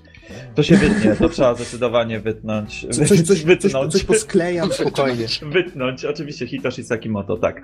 E, wielka wtopa, bo oczywiście bardzo lubię jego muzykę. Mm, więc sama stylistyka, e, właśnie muzyka i klimat i tak dalej bardzo mocno krzyczą wręcz Final Fantasy Tactics i Final Fantasy XII, więc to jest coś, coś ciekawego według mnie. E, Jeszcze warto wspomnieć o prawie graficznej. Mi, e, tak na pierwszy rzut oka, e, strasznie mi przypomina produkcję Vanillaware. Więc, e, więc na przykład taki Dragon's Aha. Crown, e, Odin Sphere, czy coś w ten deseń. Wygląda prześwietnie i z tego, co można było wyczytać z samego trailera, będzie system klas, walka wygląda na turową i, i nie wiem, co więcej powiedzieć. Mhm. Ja przez chwilę też się zastanawiałem, czy to nie jest od Vanillaware, ale design postaci trochę wskazywał na to, że, że jednak nie. No tak, Okej. tak, właśnie design jest taki Mhm. niby trochę podobny, ale przede wszystkim tak, ta cała szata, tak jakby y, cały styl, w którym jest utrzymana grafika. Mhm. Y, Co dalej? Hitman Go ma się pojawić na PS4 i Vita. Y, Pojawiła się też gierka Brawlhalla, ale tutaj nie jestem pewien w ogóle co to było, jakoś nie Mm, zapadło mi w To pamięć. jest y, taka gierka, która przypomina trochę Super Smash Brosa. No tak, Super Smash Bros. trochę przypomina. Y, Jest już na PC, nie wiem czy to jest beta, czy już pełna wersja, ale bądź co bądź y, nawalanie się wikingami na platformach i trzeba zrzucić przeciwnika. Okej, brzmi ambitnie. Lecąc dalej. Y, Yakuza 5 ma się pojawić na PS3 8 grudnia, czyli to już właściwie pojutrze. Y, Yakuza Zero trafi na PS4. Nie jestem pewien, czy to jest zapowiedź gry na zachodzie, czy to już wcześniej zapowiadano, niemniej wiadomo, że będzie można w nią zagrać w, w, języku, tak, w angielskim. E, The Last Blade 2 ma trafić na PS4 i Vita. E, Pokazano nowy zwiastun The King of Fighters 14. Tutaj wielu fanów narzeka, że gra została przeniesiona z 2D do 3D i raczej mm, komentują, że nie podoba im się to zbytnio, ale ma być to, eks- fanów. ale ma być to ekskluzyw na PS4. E, Y, Z tego co wiem, ma być jeszcze na PC-ta. Aha. Okej, to w Więc takim razie mam tu złe informacje. to znaczy ostatnio w branży widać coś takiego, że jak się mówi na jakichś imprezach związanych z konsolami, się mówi ekskluzyw, to się mówi, że ekskluzyw y, w, że tak powiem, w ramach konsol, a na PC ta wychodzi. Czyli konsol Czyli ekskluzyw. konsol tak, ekskluzyw, dokładnie. No tak, taki skrót myślę, sobie zrobili. Czyli takie, a Microsoft wy nie macie, ha, ha, to na No tej coś w ten zasadzie. No, Albo vice versa. Y, Z kolei, o, następna gra, N- Nioh, czy... Nioh, nioh, nioh. Ni- Nioh, czy jak to się czyta, w ogóle nie mam pojęcia. E, Ale to jest ta gra, którą pewnie niektórzy kojarzą z newsów, w których pisali, że jest to taki japoński Geralt, bo postać ma białe włosy, tak, i, i, i kit, w kitkę zawiązane i wygląda troszeczkę jak Geralt, ale jest bardziej takim samurajem. I pokazano nowy gameplay, na którym widać, że ta gra ma bardzo dużo dużo czerpie z Dark Souls. Czuć to po prostu. Widać, jak się postać porusza, jak przeciwnicy się poruszają. Wszystko jest takie trochę powolne, dość precyzyjne, przynajmniej takie sprawia wrażenie. Więc wstępnie jestem zainteresowany. Ciekaw jestem, co z tego wyjdzie. Mm, Tak, I to też, też, ma być... też uważam, że to wygląda bardzo ciekawie, więc to był taki, to, to była jedna z niewielu gier tutaj właśnie, które przykuły moją uwagę. Zresztą już nawet ten pierwszy teaser nie był taki zły, ale tutaj e, ten gameplay zdecydowanie e, ciekawie wyglądał, więc może być interesująco. Mhm. I też jest to ekskluzyw albo konsol ekskluzyw, no nie jestem pewien, ale na PS4 w każdym Chyba razie wyjdzie. ekskluzyw. Okej.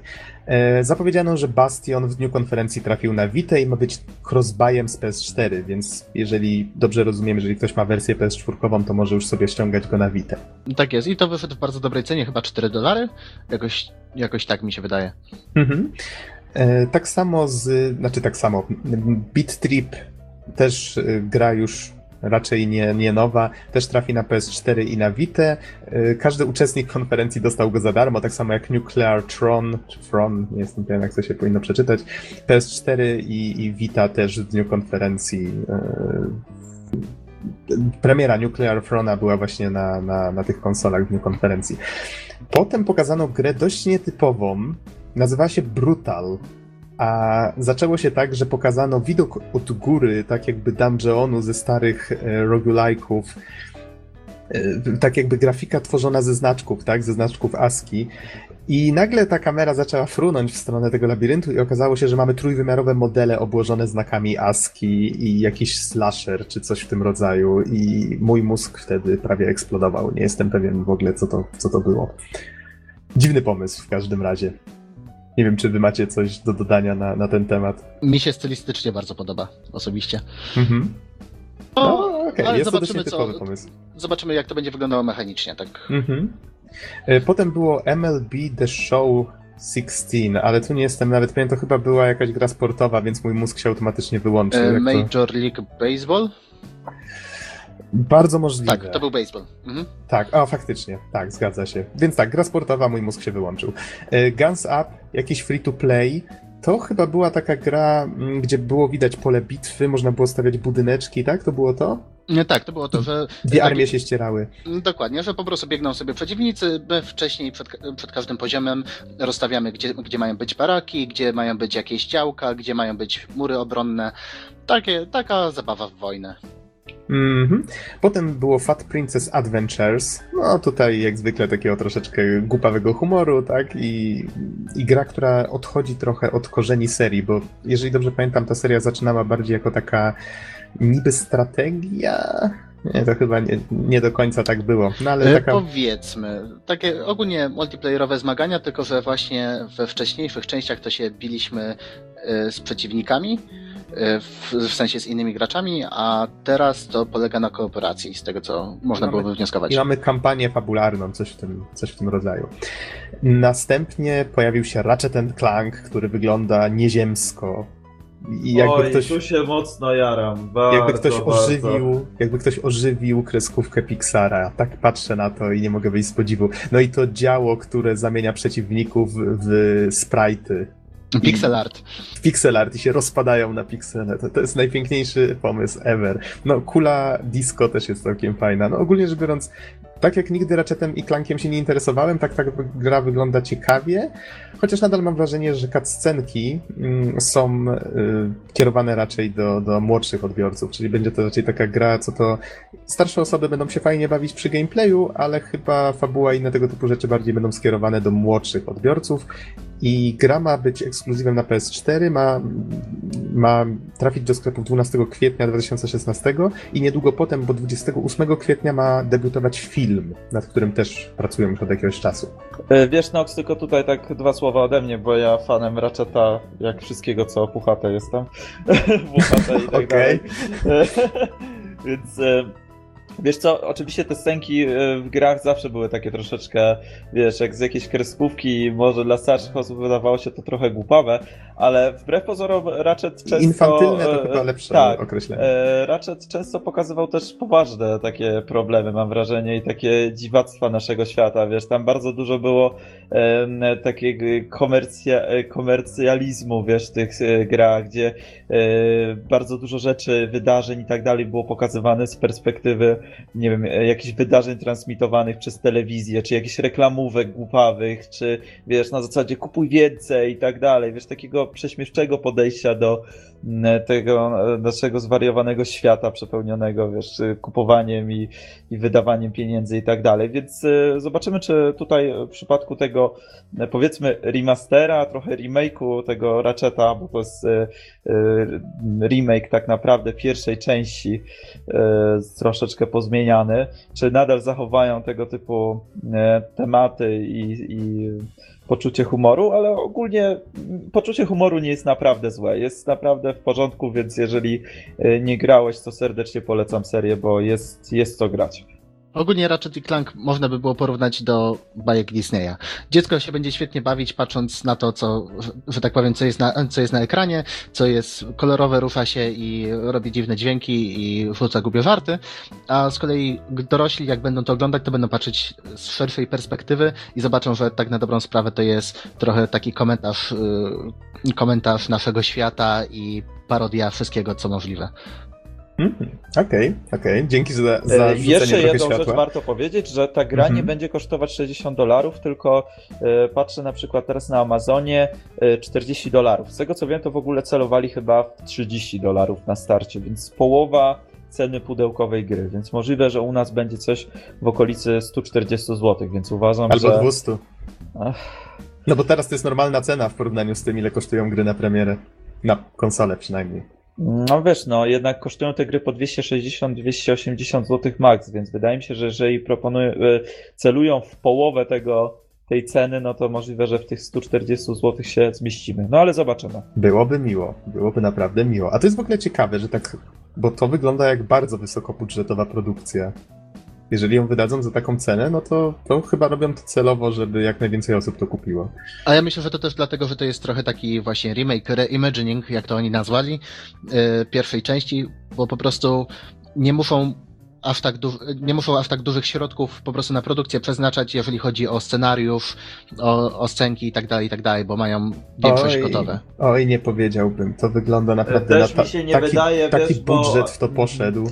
To, to jest pierwsza rzecz, że oczywiście jeżeli chodzi o to, jak e, dużo, z dużą starannością tam są animacje i tak dalej zrobione, ale z drugiej strony weź pod uwagę, że jednak ta, ten pierwszy Ratchet na PS2 już dosyć mocno trąci mychą, więc e, wiesz, jeżeli oni by chcieli zrobić e, te scenki powiedzmy jeden do jednego e, w nowej części, to by to nie wyszło, więc mi się wydaje, że oni tam wszystkie elementy, takie jak dialogi, najazdy kamery i tak dalej, to wszystko muszą zrobić od nowa, więc wydaje mi się, że mają taką podstawę, co oni chcą zrobić mniej więcej przy okazji, wiedząc co jest w filmie, bo to ma być takie dopełnienie filmu, który będzie także w kwietniu przyszłego roku, ale tak naprawdę ta gra jest chyba robiona mocno od podstaw, więc dziwi mnie też ta cena, no ale zobaczymy, dlaczego e, jest tak, a nie inaczej. To znaczy właśnie chodzi mi głównie o to, że to, że jeżeli chodzi o scenariusz i, i takie rzeczy, że po prostu no, trochę nie potrzebują aż takiego budżetu, żeby zrobić tak, jak, nie robią tej gry tak jakby od, same, od zera, od podstaw. Ale to powiem ci, easy, tak, ale to powiem ci easy tak. Scenariusz jest chyba jedną z najtańszych rzeczy w tym wszystkim, więc jednak cała reszta to jest ten content, ta animacja, ta, ta, ta grafika, no to tak, tak jak mówi Serper, to widać, że to jest gra zrobiona od zera. No ale okej, okay, okej. Okay. Tutaj tylko dodam od siebie, że wszystkie cutscenki w tej grze jestem prawie przekonany po tym, jak się oświetlenie tam rozkłada, że to jest prerender, więc bardzo możliwe, że team odpowiedzialny za film tworzył też cutsceny, więc to się wszystko będzie tak ładnie zlewać ze sobą. Cutsceny są prerenderowane, widzę po pikselach. No, no tak, tak, ogólnie rzecz biorąc, co chciałem powiedzieć. E, lecąc dalej, Potem był blok VR-u, czyli PlayStation VR, znany jeszcze do niedawna jako Morpheus, Project Morpheus. I tutaj pokazano nam Res Infinite. Wiem, że istniała taka gra chyba jak Res, co nie? Tak, i ona e, była na Xboxa 360, przy czym to też był, e, była już edycja HD tej gry, więc e, zaraz ci powiem na co to się pojawiło. Na PlayStation 2, Dreamcast Xbox 360. Mhm, czyli, czyli PlayStation 2 i Dreamcast e, przed Xboxem 360. Gra psychodeliczna, muzyczna, strzelanie i tak dalej. Widzę, że e, ten res na PlayStation 4 na VR będzie e, trochę zmieniony. Chyba będzie trochę dodatkowych plansz i tak dalej. Ale wygląda ciekawie. Wygląda to na pewno jedna z ciekawszych gier na VR, którą zapowiedzieli, bo tam i wersja w tej grze była naprawdę niezła. Swoją drogą, nie wiem czy wiesz, e, w Japonii sprzedawali specjalne, specjalne urządzenie wibracyjne do tej gry. To zabrzmiało bardzo dziwnie, to co teraz powiedziałeś. I jeszcze nazywa się Transvibrator. Okej, ja się za to zastanawiałem, czy nie powinni do tej gry, zwłaszcza, że ona jest teraz na VR projektowana, w sensie to Res Infinite, czy nie powinni dodawać za darmo wiaderka. To, to jak zrobią Wipeouta. No ogólnie rest to albo Barf Simulator, albo Drag Simulator. No tak, bo to postać leci przez jakieś tunele, mija jakieś dziwaczne kształty, lecą wszędzie jakieś linie, kolorki się zmieniają. No po prostu. No, no tak, to chyba będzie tańsze niż narkotyki. Kto wie, może wiele osób wyjdzie z nałogu dzięki temu. Albo wejdzie w żartami. Albo wejdzie w nowy nałóg, tak, dokładnie. E, Ale już tak do rzeczy, które w VR-ze mogą się, mogą trafić raczej do szerszej grupy odbiorców niż, niż takie dziwaczne, barwne dziwolągi. E, Eagle Flight, czyli symulator gołębia. Symulator gołębia. Y, Czyli Ubisoft stworzył coś, co po pierwsze widać, że wykorzystali część tego, co mieli z Asasyna, bo widać było Paryż na demku, tylko taki bardziej kreskówkowy niż, niż ten z Asasyna, y, z Unity. I pokazali lecącego orła. On za sobą miał takie, takie, właściwie został taki ślad w powietrzu, tak ładnie to wyglądało, takie czerwone e, wstążki, czy jak to nazwać, e, z, z rozpostartych skrzydeł. I domyślam się, że będziemy widzieli oczami tego orła całe to miasto, będzie można sobie fruwać tym VR-em, albo będziemy po prostu po szynach tak lecieć i móc się rozglądać. No jakkolwiek by nie było, może, by to, może być to coś ładnego. Taka ładna pokazóweczka VR-u. E, pokazano też The Modern Zombie Taxi Company, co wyglądało jak kompletnie kolejny odjechany pomysł. Na zasadzie w mieście zombie kierujemy taksówką i wozimy zombiaki po różnych miejscach, tak? Mama z dziećmi e, wsiada do, do taksówki i powiedzmy jedziemy i mogą te zombiaki wylatywać przez szybę, jeżeli w coś walniemy albo inne takie dziwne sytuacje. E, Czy, mam pytanie, czy tylko ja miałem wtedy taki, e, nie, nie wiem jak znaleźć odpowiednik angielskiego słowa, taki PSX-owy vibe, że taka jakaś głupia gierka, którą dodawali do dema z gazetą, wiesz, na PlayStation 1 i tak dalej. Tak jakoś mi się strasznie skojarzyło, że a, ta gra zupełnie nie pasuje do dzisiejszych czasów pod pewnymi względami. W sensie, no śmiesznie było coś takiego zobaczyć, ale w życiu się nie spodziewałem, że na dużym wydarzeniu growym zobaczymy coś takiego. Zapewne teraz wielu słuchaczy ma w głowie jakieś inne głupie gierki, które były zapowiadane na tego typu wydarzeniach, ale nie wiem, jakoś akurat ta gra przykuła tak moją uwagę swoją głupotą i, i stylistyką i tak dalej, która oczywiście może być śmieszna, to nie, nie, nie przeczę, ta gra może być naprawdę fajna, ale jakaś taka wydaje mi się wyjęta sprzed 20 lat. Taka wyjęta z kontekstu, nie? Ale zgadzam się z tobą, to może to jest, może to tak specjalnie takie złote nawiązanie do, e, takie specjalne nawiązanie do złotej ery PSX-a, kiedy to w ciągu jednego miesiąca wychodziło 50 gier, z czego 30 to były krapy. I można było znaleźć takie perełki.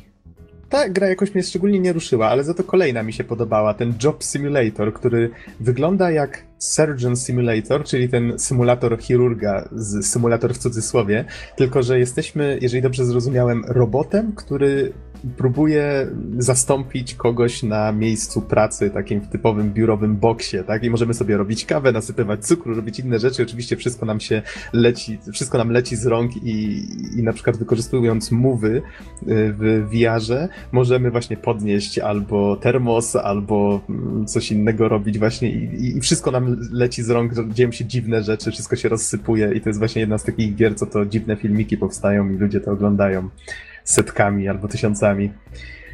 Y, I jeszcze jedna gra na VR została pokazana, czyli Golem. Tu nie pokazano nic poza prerenderowanym, takim nazwijmy to taką pokazówką, tak? Ale e, może być to coś ładnego. No, tutaj ciężko powiedzieć coś więcej, poza tym, że pokazano dziewczynkę, która leżała na, na łóżku i kierowała prawdopodobnie myślami jakimś golemem, który szedł przez pustynię, coś, coś w tym rodzaju. Może być to coś ładnego, chociaż nie wiemy zbyt wiele na ten temat. Okej, mamy E, kolejny tytuł, Proszę bo bardzo. według mnie to będzie gra roku 2016.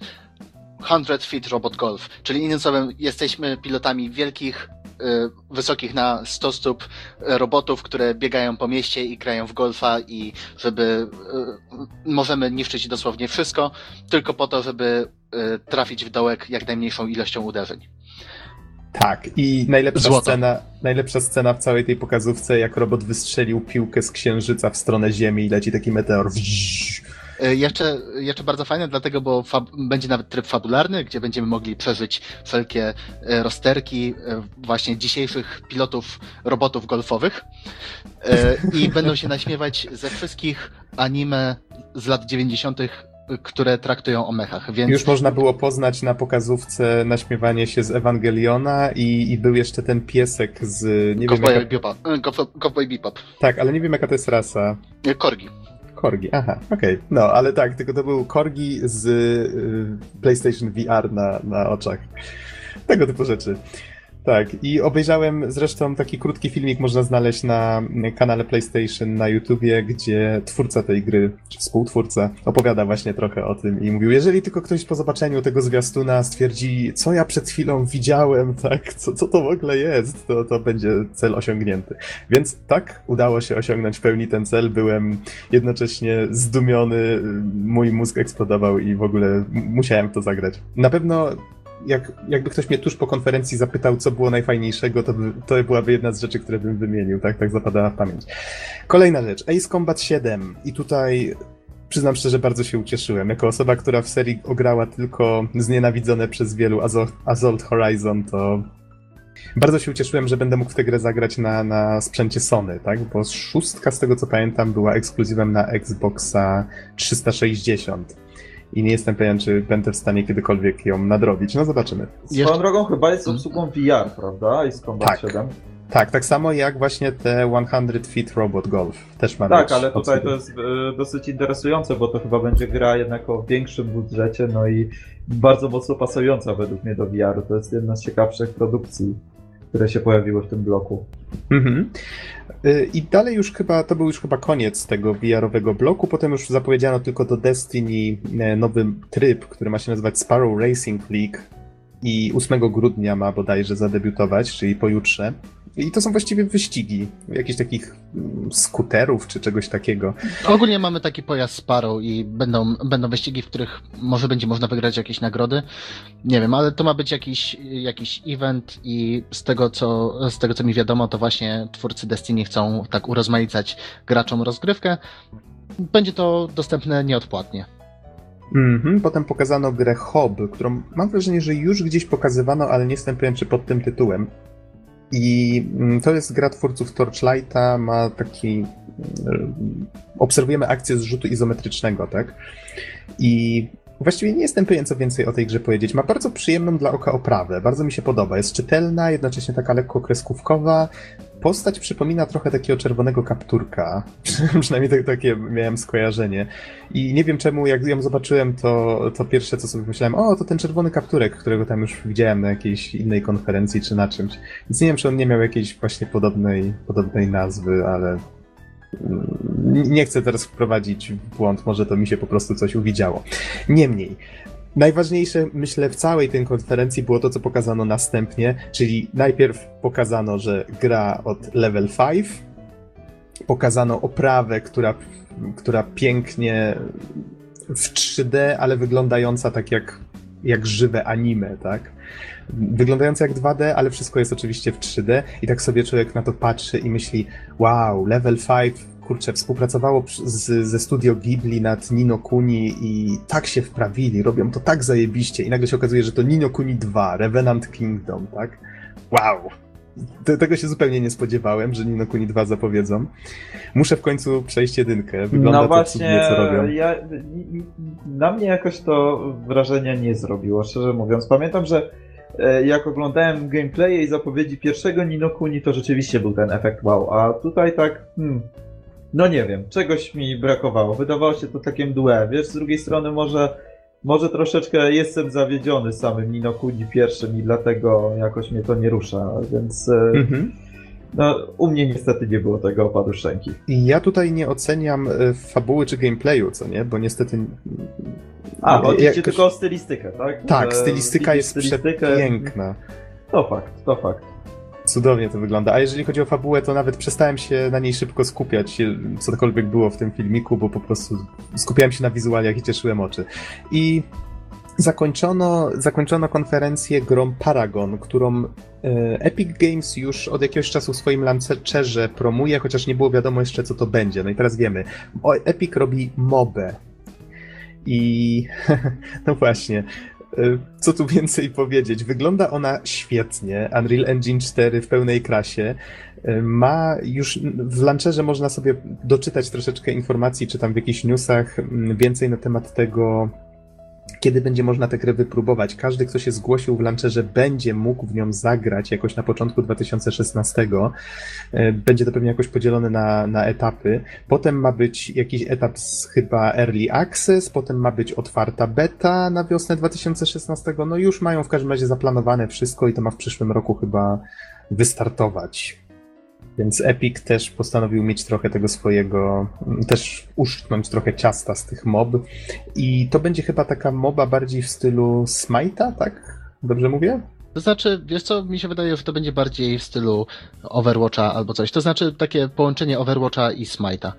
Innym słowem, y, chociaż Battleborn też ma takie elementy jak, jak coś w stylu turetów i miniony. Czyli Więc- są dwie drużyny, mają powiedzmy jakiś punkt, który muszą bronić i, I po drodze są jeszcze akcje. kolejne, punk- kolejne punkty, tam takie wieże, które tak jakby kolejnej linii obrony. Wszystko z pierwszej osoby, każda postać ma inny zestaw umiejętności, inaczej się nią gra. A nie z trzeciej? Bo nie jestem pewien akurat jak jest w tym przypadku.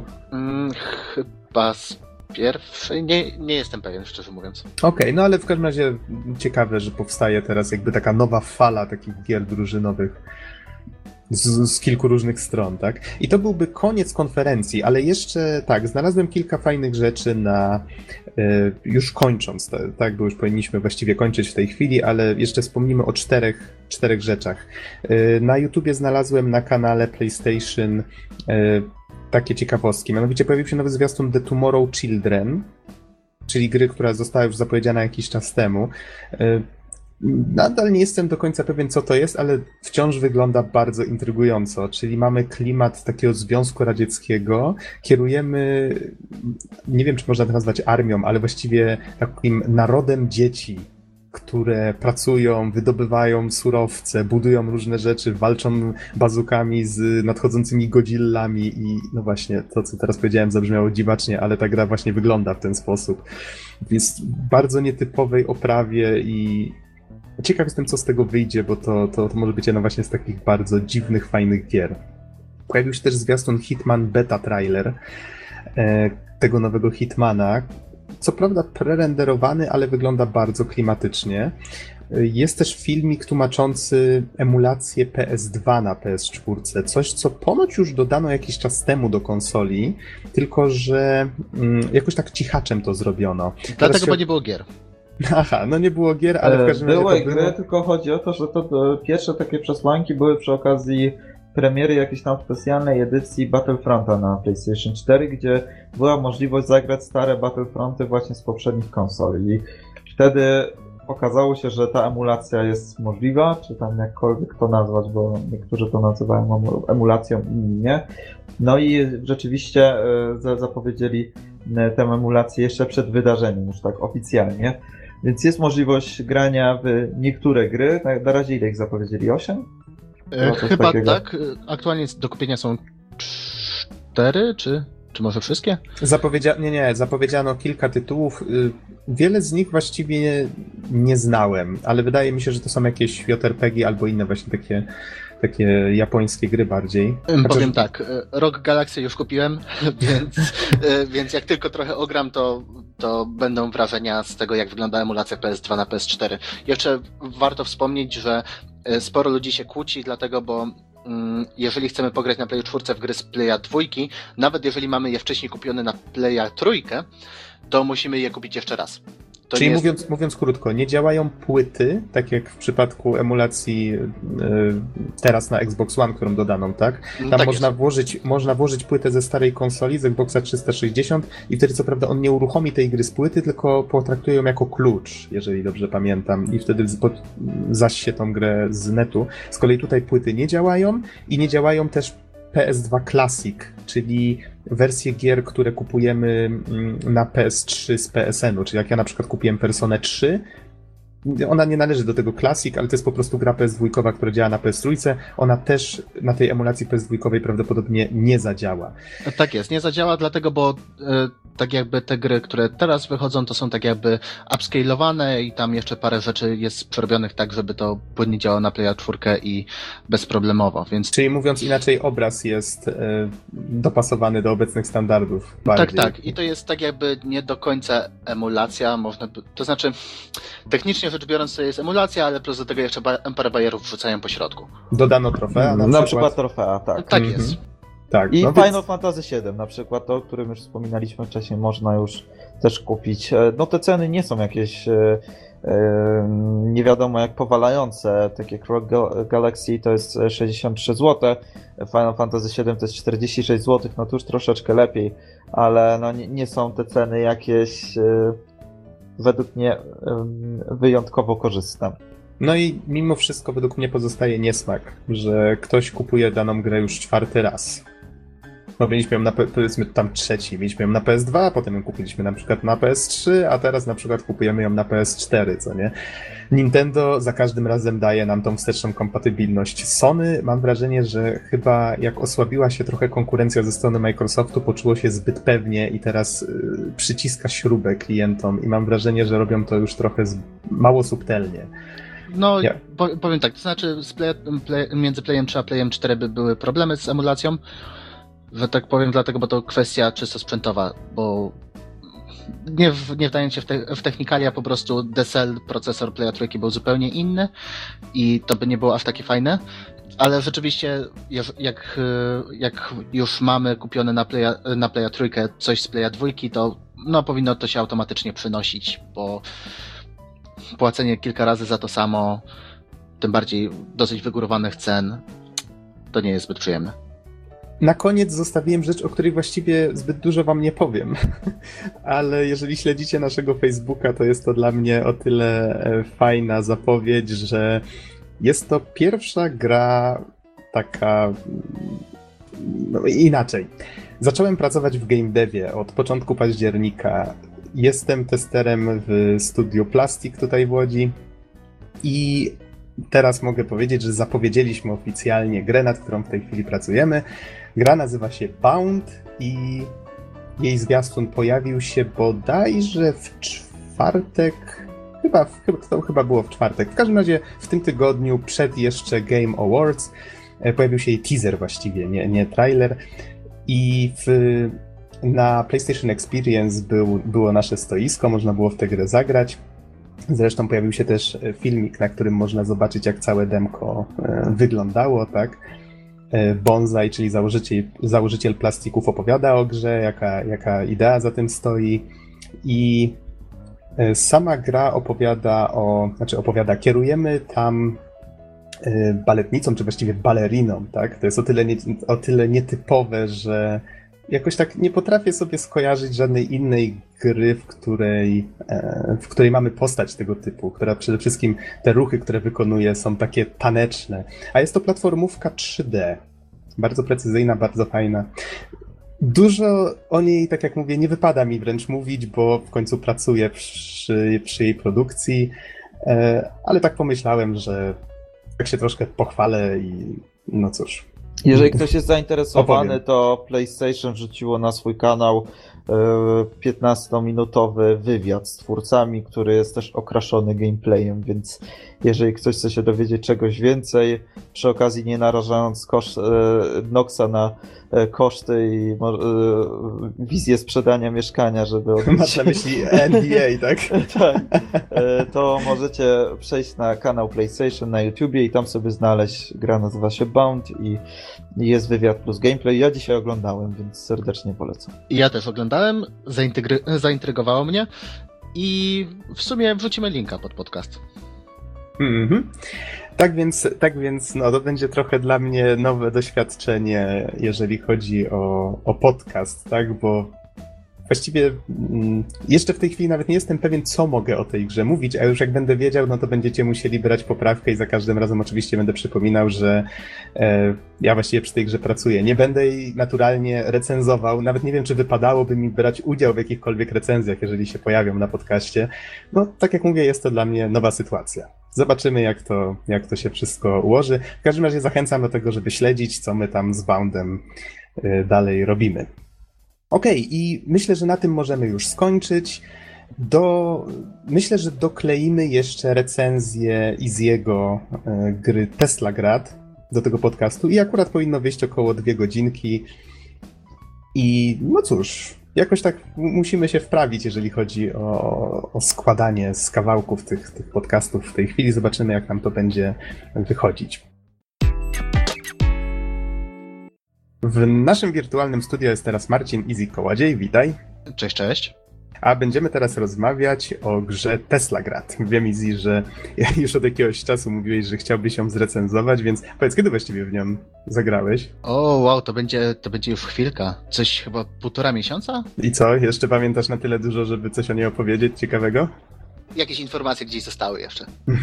Okej, okay. to ja jeszcze tylko powiem, że nagrywamy. Co my dzisiaj właściwie mamy? Dzisiaj jest czwartek, 26 listopada. Tak, bo tutaj próbujemy próbujemy w tej chwili nagrywać podcasty z kawałków. No już bywały czasy, kiedy robiliśmy takie sztuki. Nie przyjęło się to na dłużej, zobaczymy, może tym razem się uda. Może ułatwi nam to troszkę życie, patrząc na to, jak ciężko jest się czasem zgadać w większej grupie, żeby nagrać podcast. Powiem tak, może niekoniecznie ułatwi, ale na pewno umożliwi nam nagrywanie większej ilości materiałów. Mam taką nadzieję. Dobrze, w takim razie przejdźmy do, do Teslagradu. Ja tutaj mam już stronę na wiki otwartą. A ja mogę, ja mogę? A no proszę, proszę. Nie będę ci odbierał tej przyjemności.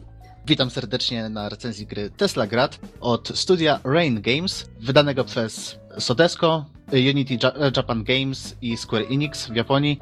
Gra stworzona na Unity, z tego co widzę. wydaje mi się, że najważniejsze jest to, na ilu platformach właściwie można w nią zagrać. Wow, praktycznie na wszystkich, można by powiedzieć, dlatego, bo mamy i komputery z systemem Windows, systemem OS X, Linux, Wii U, PlayStation 3, PlayStation 4 i PlayStation Vita, czyli praktycznie mamy wachlarz możliwości, gdzie chcemy, tam możemy zagrać. Mhm. Jeszcze wspomniałbym o tym, kiedy gra debiutowała i widzę, że to było na PC w 2000, pod koniec 2013 w grudniu. Na, tak Steamie, na Steamie i Desurze.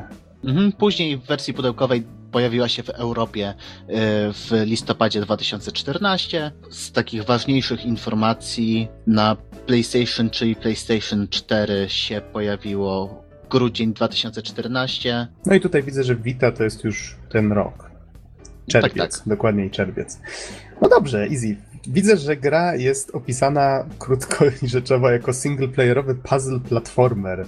Tutaj od razu mi się narzuca kilka tytułów. Pamiętam, że Don, jak tylko usłyszał, że e, znaczy jak tylko zobaczył ten Tesla Grad, to bardzo mu się skojarzył z Braidem i tak się zastanawiam na wstępie, czy słusznie, czy tobie też się skojarzył z jakąś grą, może to ułatwi trochę opis. Szczerze mówiąc, Braida nie grałem aż tak dużo, Aha. ale powiem tak, że z, przynajmniej z moich doświadczeń wynika, że to są inne gry i myślę, że można by było porównać Tesla Grad do Dark Soulsów, Miejscami. Słowo klucz Miejscami, się tak, tak. Właśnie. Słowo klucz się pojawiło. Wiedziałem, że ci się spodoba takie porównanie, ale właśnie można miejscami porównać do, do Dark Soulsów, a do tego czerpię pełnymi garściami z, z old schoolu, ze starych, dobrych platformówek jeszcze za czasów NESa, SNESa i, i tak dalej. No to czuję się tym bardziej zachęcony. Super, super. Co więcej, akurat ja grałem wersję play, na PlayStation 4, dlatego, bo właśnie coś około dwóch miesięcy temu pojawiło się w PlayStation Plusie. To stwierdziłem, że o, giereczka, właśnie nawet chciałem w nią pograć na, na PC swego czasu, jest za darmo, no to pff, czemu nie ściągnąć i nie pograć? Tak też uczyniłem i nie zawiodłem się. Nie zawiodłem się, dlatego, bo wiedziałem, że to jest platformer, który kręci się wokół elektromagnetyzmu. No, Tesla Grad, raczej Nikolaj Tesla, to jest nazwisko znane wszystkim, przynajmniej mam taką nadzieję wizjoner, bez którego nie mielibyśmy wielu udogodnień. Co więcej, z tego co wiem, to Tesla przewidział, można by powiedzieć, istnienie internetu, przynajmniej takiej sieci opartej na elektromagnetyzmie, która może przesyłać informacje na wielkie odległości. Szkoda, że nie pożył trochę dłużej, bo ponoć jedną z rzeczy, nad którymi pracował pod koniec życia, było przesyłanie prądu na odległość bez użycia kabli. E, Szkoda, że za życia go nie docenili. Zacznijmy od tego. A to Ale też prawda. Też tutaj prawda. tak trochę, tak trochę odbiegamy od tego, czym jest Teslagrad. Historia się zaczyna, kiedy to widzimy scenę, jak rodzice oddają niemowlaka jeszcze do pewnego domu. Nie wiemy, kto to jest, nie wiemy skąd się wzięło, nie wiemy po co on w ogóle tutaj jest. I akcja się przenosi parę lat w przód, też nie wiemy dokładnie ile, ale dzieciak już dorasta i budzi się w momencie, kiedy jego miasto jest atakowane przez żołnierzy w czerwonych, e, w czerwonych mundurach, trochę przypominających carską Rosję. I cóż, tyle Czyli, wiemy. czyli jest to taki świat, jak rozumiem, e, fantastyczny, czy może trochę, trochę steampunkowy? Niekoniecznie steampunk, dlatego bo Steam to jednak para i Mhm. ten, ale widać bardzo mocny wpływ właśnie steampunku na całą stylistykę. Mhm. A, a wiesz, zastanawia mnie, y, wspomniałeś tutaj o Tesli.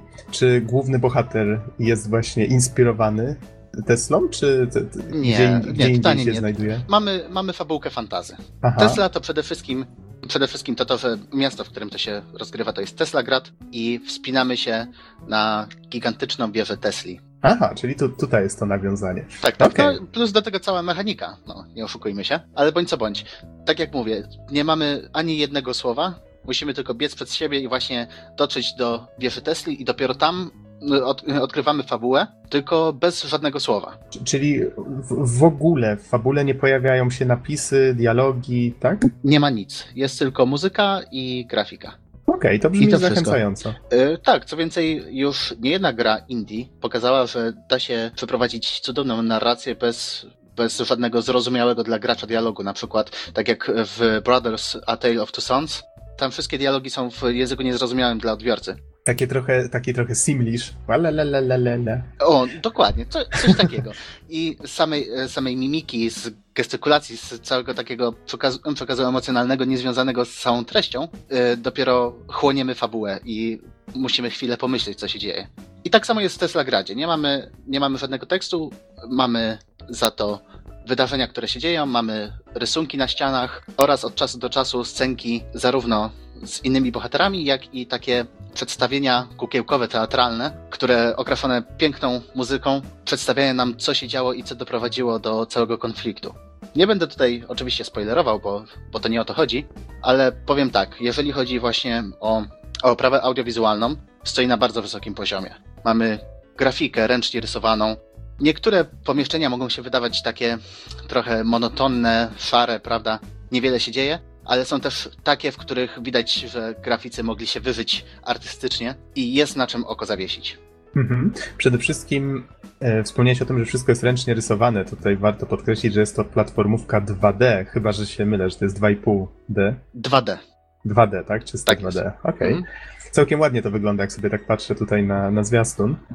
I, I te postacie są ładnie animowane. Nawet trafiłem właśnie na tą scenę w teatrze. Powiedz mi, czy to backstory tego miasta fikcyjnego mm, faktycznie jest jakieś ciekawe, czy to tak bardziej symbolicznie jest dodane? Y, To znaczy myślę, że jest, jest całkiem ciekawe. Plus do tego jeszcze z samych tych przedstawień teatralnych nie wyciągamy całej fabuły, bo jeszcze mamy znajdźki, które oczywiście klasycznie musimy, o które musimy się postarać. Znajdźkami są karty, które też przedstawiają kolejne wydarzenia.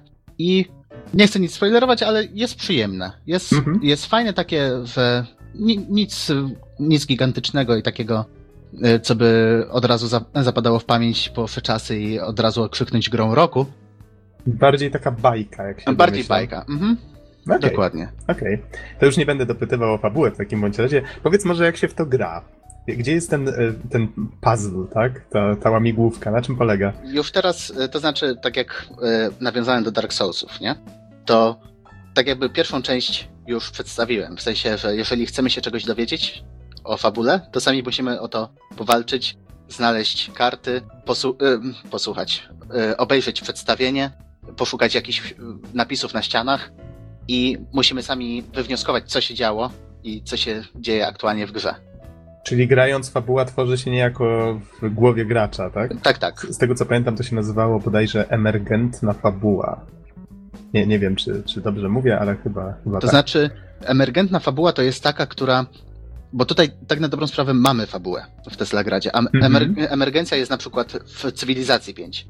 Aha, na zasadzie, że fabuły jako Fabuły takiej nie ma, ale my, my tak jakby gracz może sobie ją dopisać do woli. Okej, okej, to dzięki za sprostowanie. Wracając. Dark Soulsy. No, jest. Co z nimi? To z fabułą, no to, to, to jeszcze nie wszyscy gracze kojarzą, ale Mhm. powiedz mi, co sobie myśli taki mainstreamowy gracz, jak słyszy nazwę Dark Souls? No, przede wszystkim poziom trudności, bo się PR tej e, z From Software postarał, żeby już gracze kojarzyli tę serię głównie z poziomem trudności. Dokładnie. Tesla Grad jest bardzo ciężką platformówką. Do takiego stopnia, że czułem frustrację narastającą w niektórych momentach i powtarzałem po paręnaście razy, żeby przejść jeden konkretny fragment. Co prawda, checkpointy są całkiem gęsto rozstawione, także nie mamy aż takiego problemu, nie musimy przechodzić całego poziomu od samego początku, ale są fragmenty, które po prostu rwać włosy z głowy, rzucać padem o ścianę i No, rozumiem, rozumiem o co chodzi. Y, Ale cały czas nie powiedziałeś, jak się właściwie w to gra. Jakie ma, czy bohater ma jakieś umiejętności, czy to jest z tą technologią jakoś związane? Tak, tak jak mówiłem na początku, całość się kręci wokół elektromagnetyzmu i właśnie z tym są, mam, mamy związane specjalne umiejętności. To, dokładniej to gracz może e, właśnie głównym bohaterem skakać, wspinać się po drabinkach, takie podstawowe czynności, prawda? Ale dopiero jak zbierzemy przedmioty, które nam umożliwiają właśnie manipulację ładunkami elektrycznymi, dopiero wtedy zabawa się zaczyna tak naprawdę. Pierwszy przedmiot, jaki zdobywamy, to są rękawice, które pozwolą nam jak uderzymy jakiś przedmiot, możemy go naładować ładunkiem dodatnim albo ujemnym. I już w pierwszych krokach dowiadujemy się, po co to jest. Platformy, które są naładowane, e, mają ten sam ładunek, odpychają się. Jeżeli, jeżeli mają przeciwny, to się przeciągają. Mhm, czyli taka zabawa w magnesy. Tak, dokładnie. I w sumie wszystkie, wszystkie inne umiejętności opierają się na tym samym, że musimy wiedzieć, jaki mamy ładunek, jaki chcemy nadać ładunek, jaki potrzebujemy ładunek, żeby, żeby ukończyć wyzwanie. Są specjalne takie pola elektromagnetyczne, gdzie w pewnym momencie możemy taką peleryną zmieniać swój ładunek, więc możemy się unosić w powietrze, możemy szybciej opadać. Całość e, właśnie to jest ten elektromagnetyzm plus do tego krótki teleport. Takie. Może nic zbyt ambitnego. Szczerze Po, mówiąc, pojawiają się jeszcze jakieś dodatkowe umiejętności, tylko nie jest ich wiele, tak? Jeśli dobrze rozumiem. jest ich chyba pięć albo sześć, Mhm. jakoś tak. Też, żeby nie psuć całej zabawy, to, to powiem, że może nie są jakieś strasznie zmyślne i, nie wiem, rewolucyjne, odkrywcze. Są, po prostu są. Czyli, ale pasuje to wszystko do siebie i faktycznie to pozwala skonstruować jakieś ciekawe tak, łamigłówki. tworzy taką koherentną całość.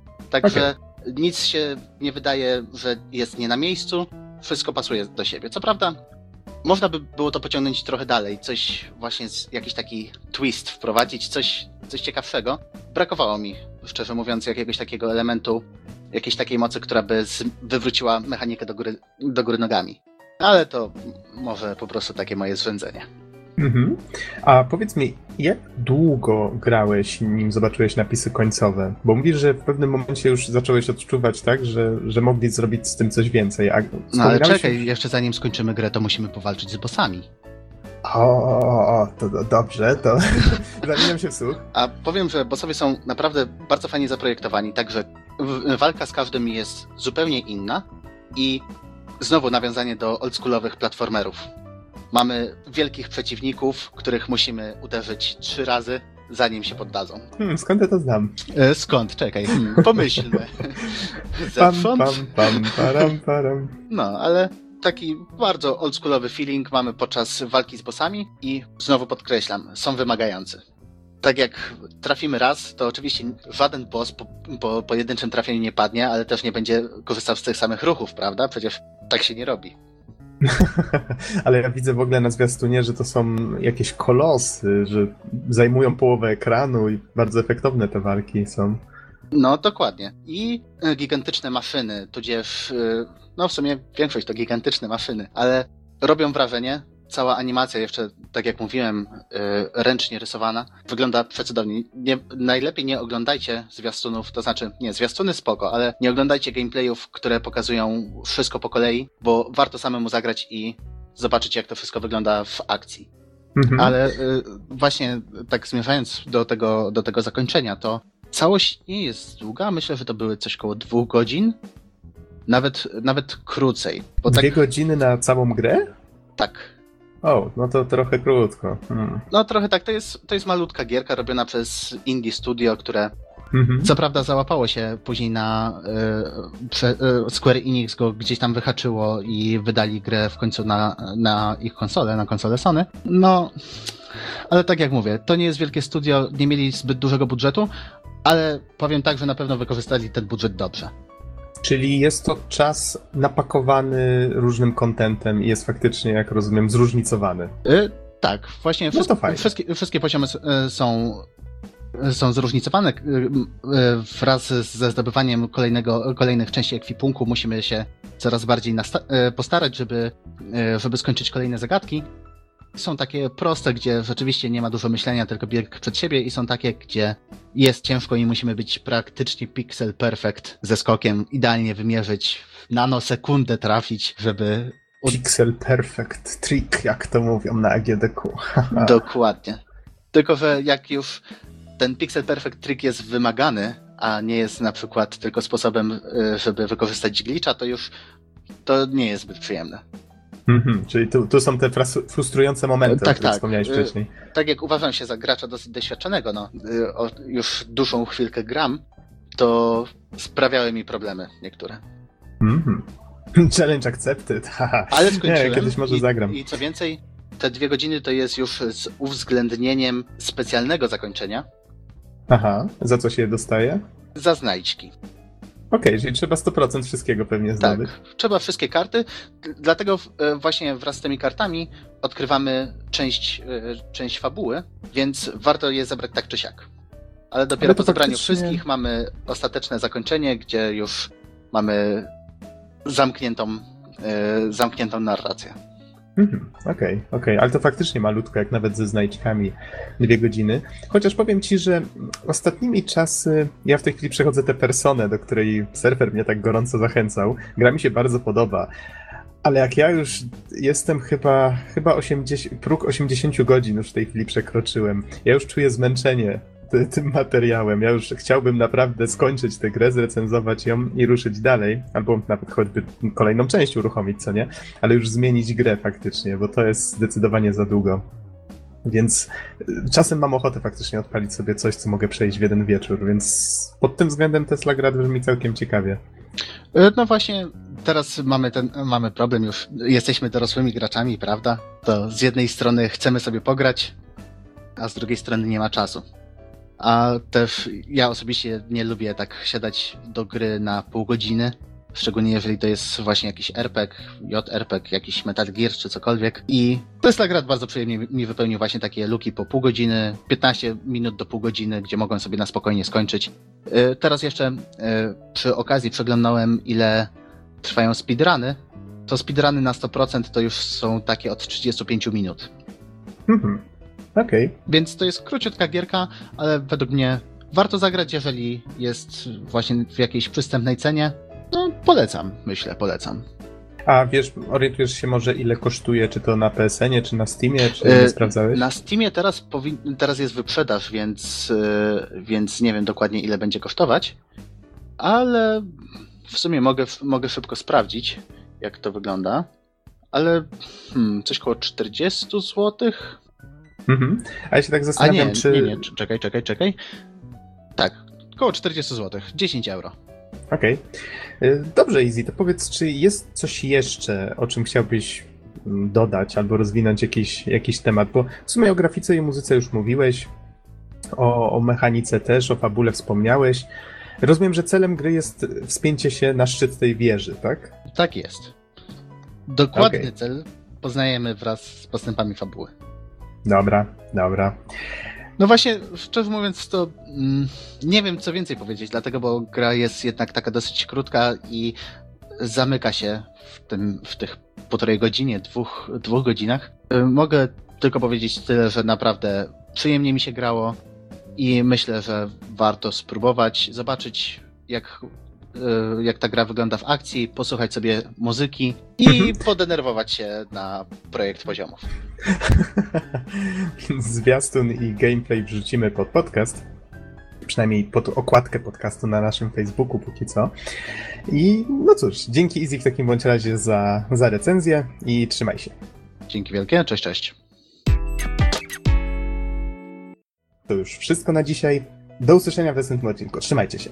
Cześć. Do usłyszenia.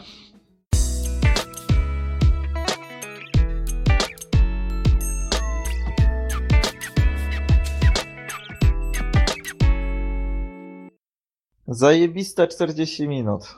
Świetnie się z wami nagrawało 40-minutowy podcast trwający półtorej godziny. Standard. Standard.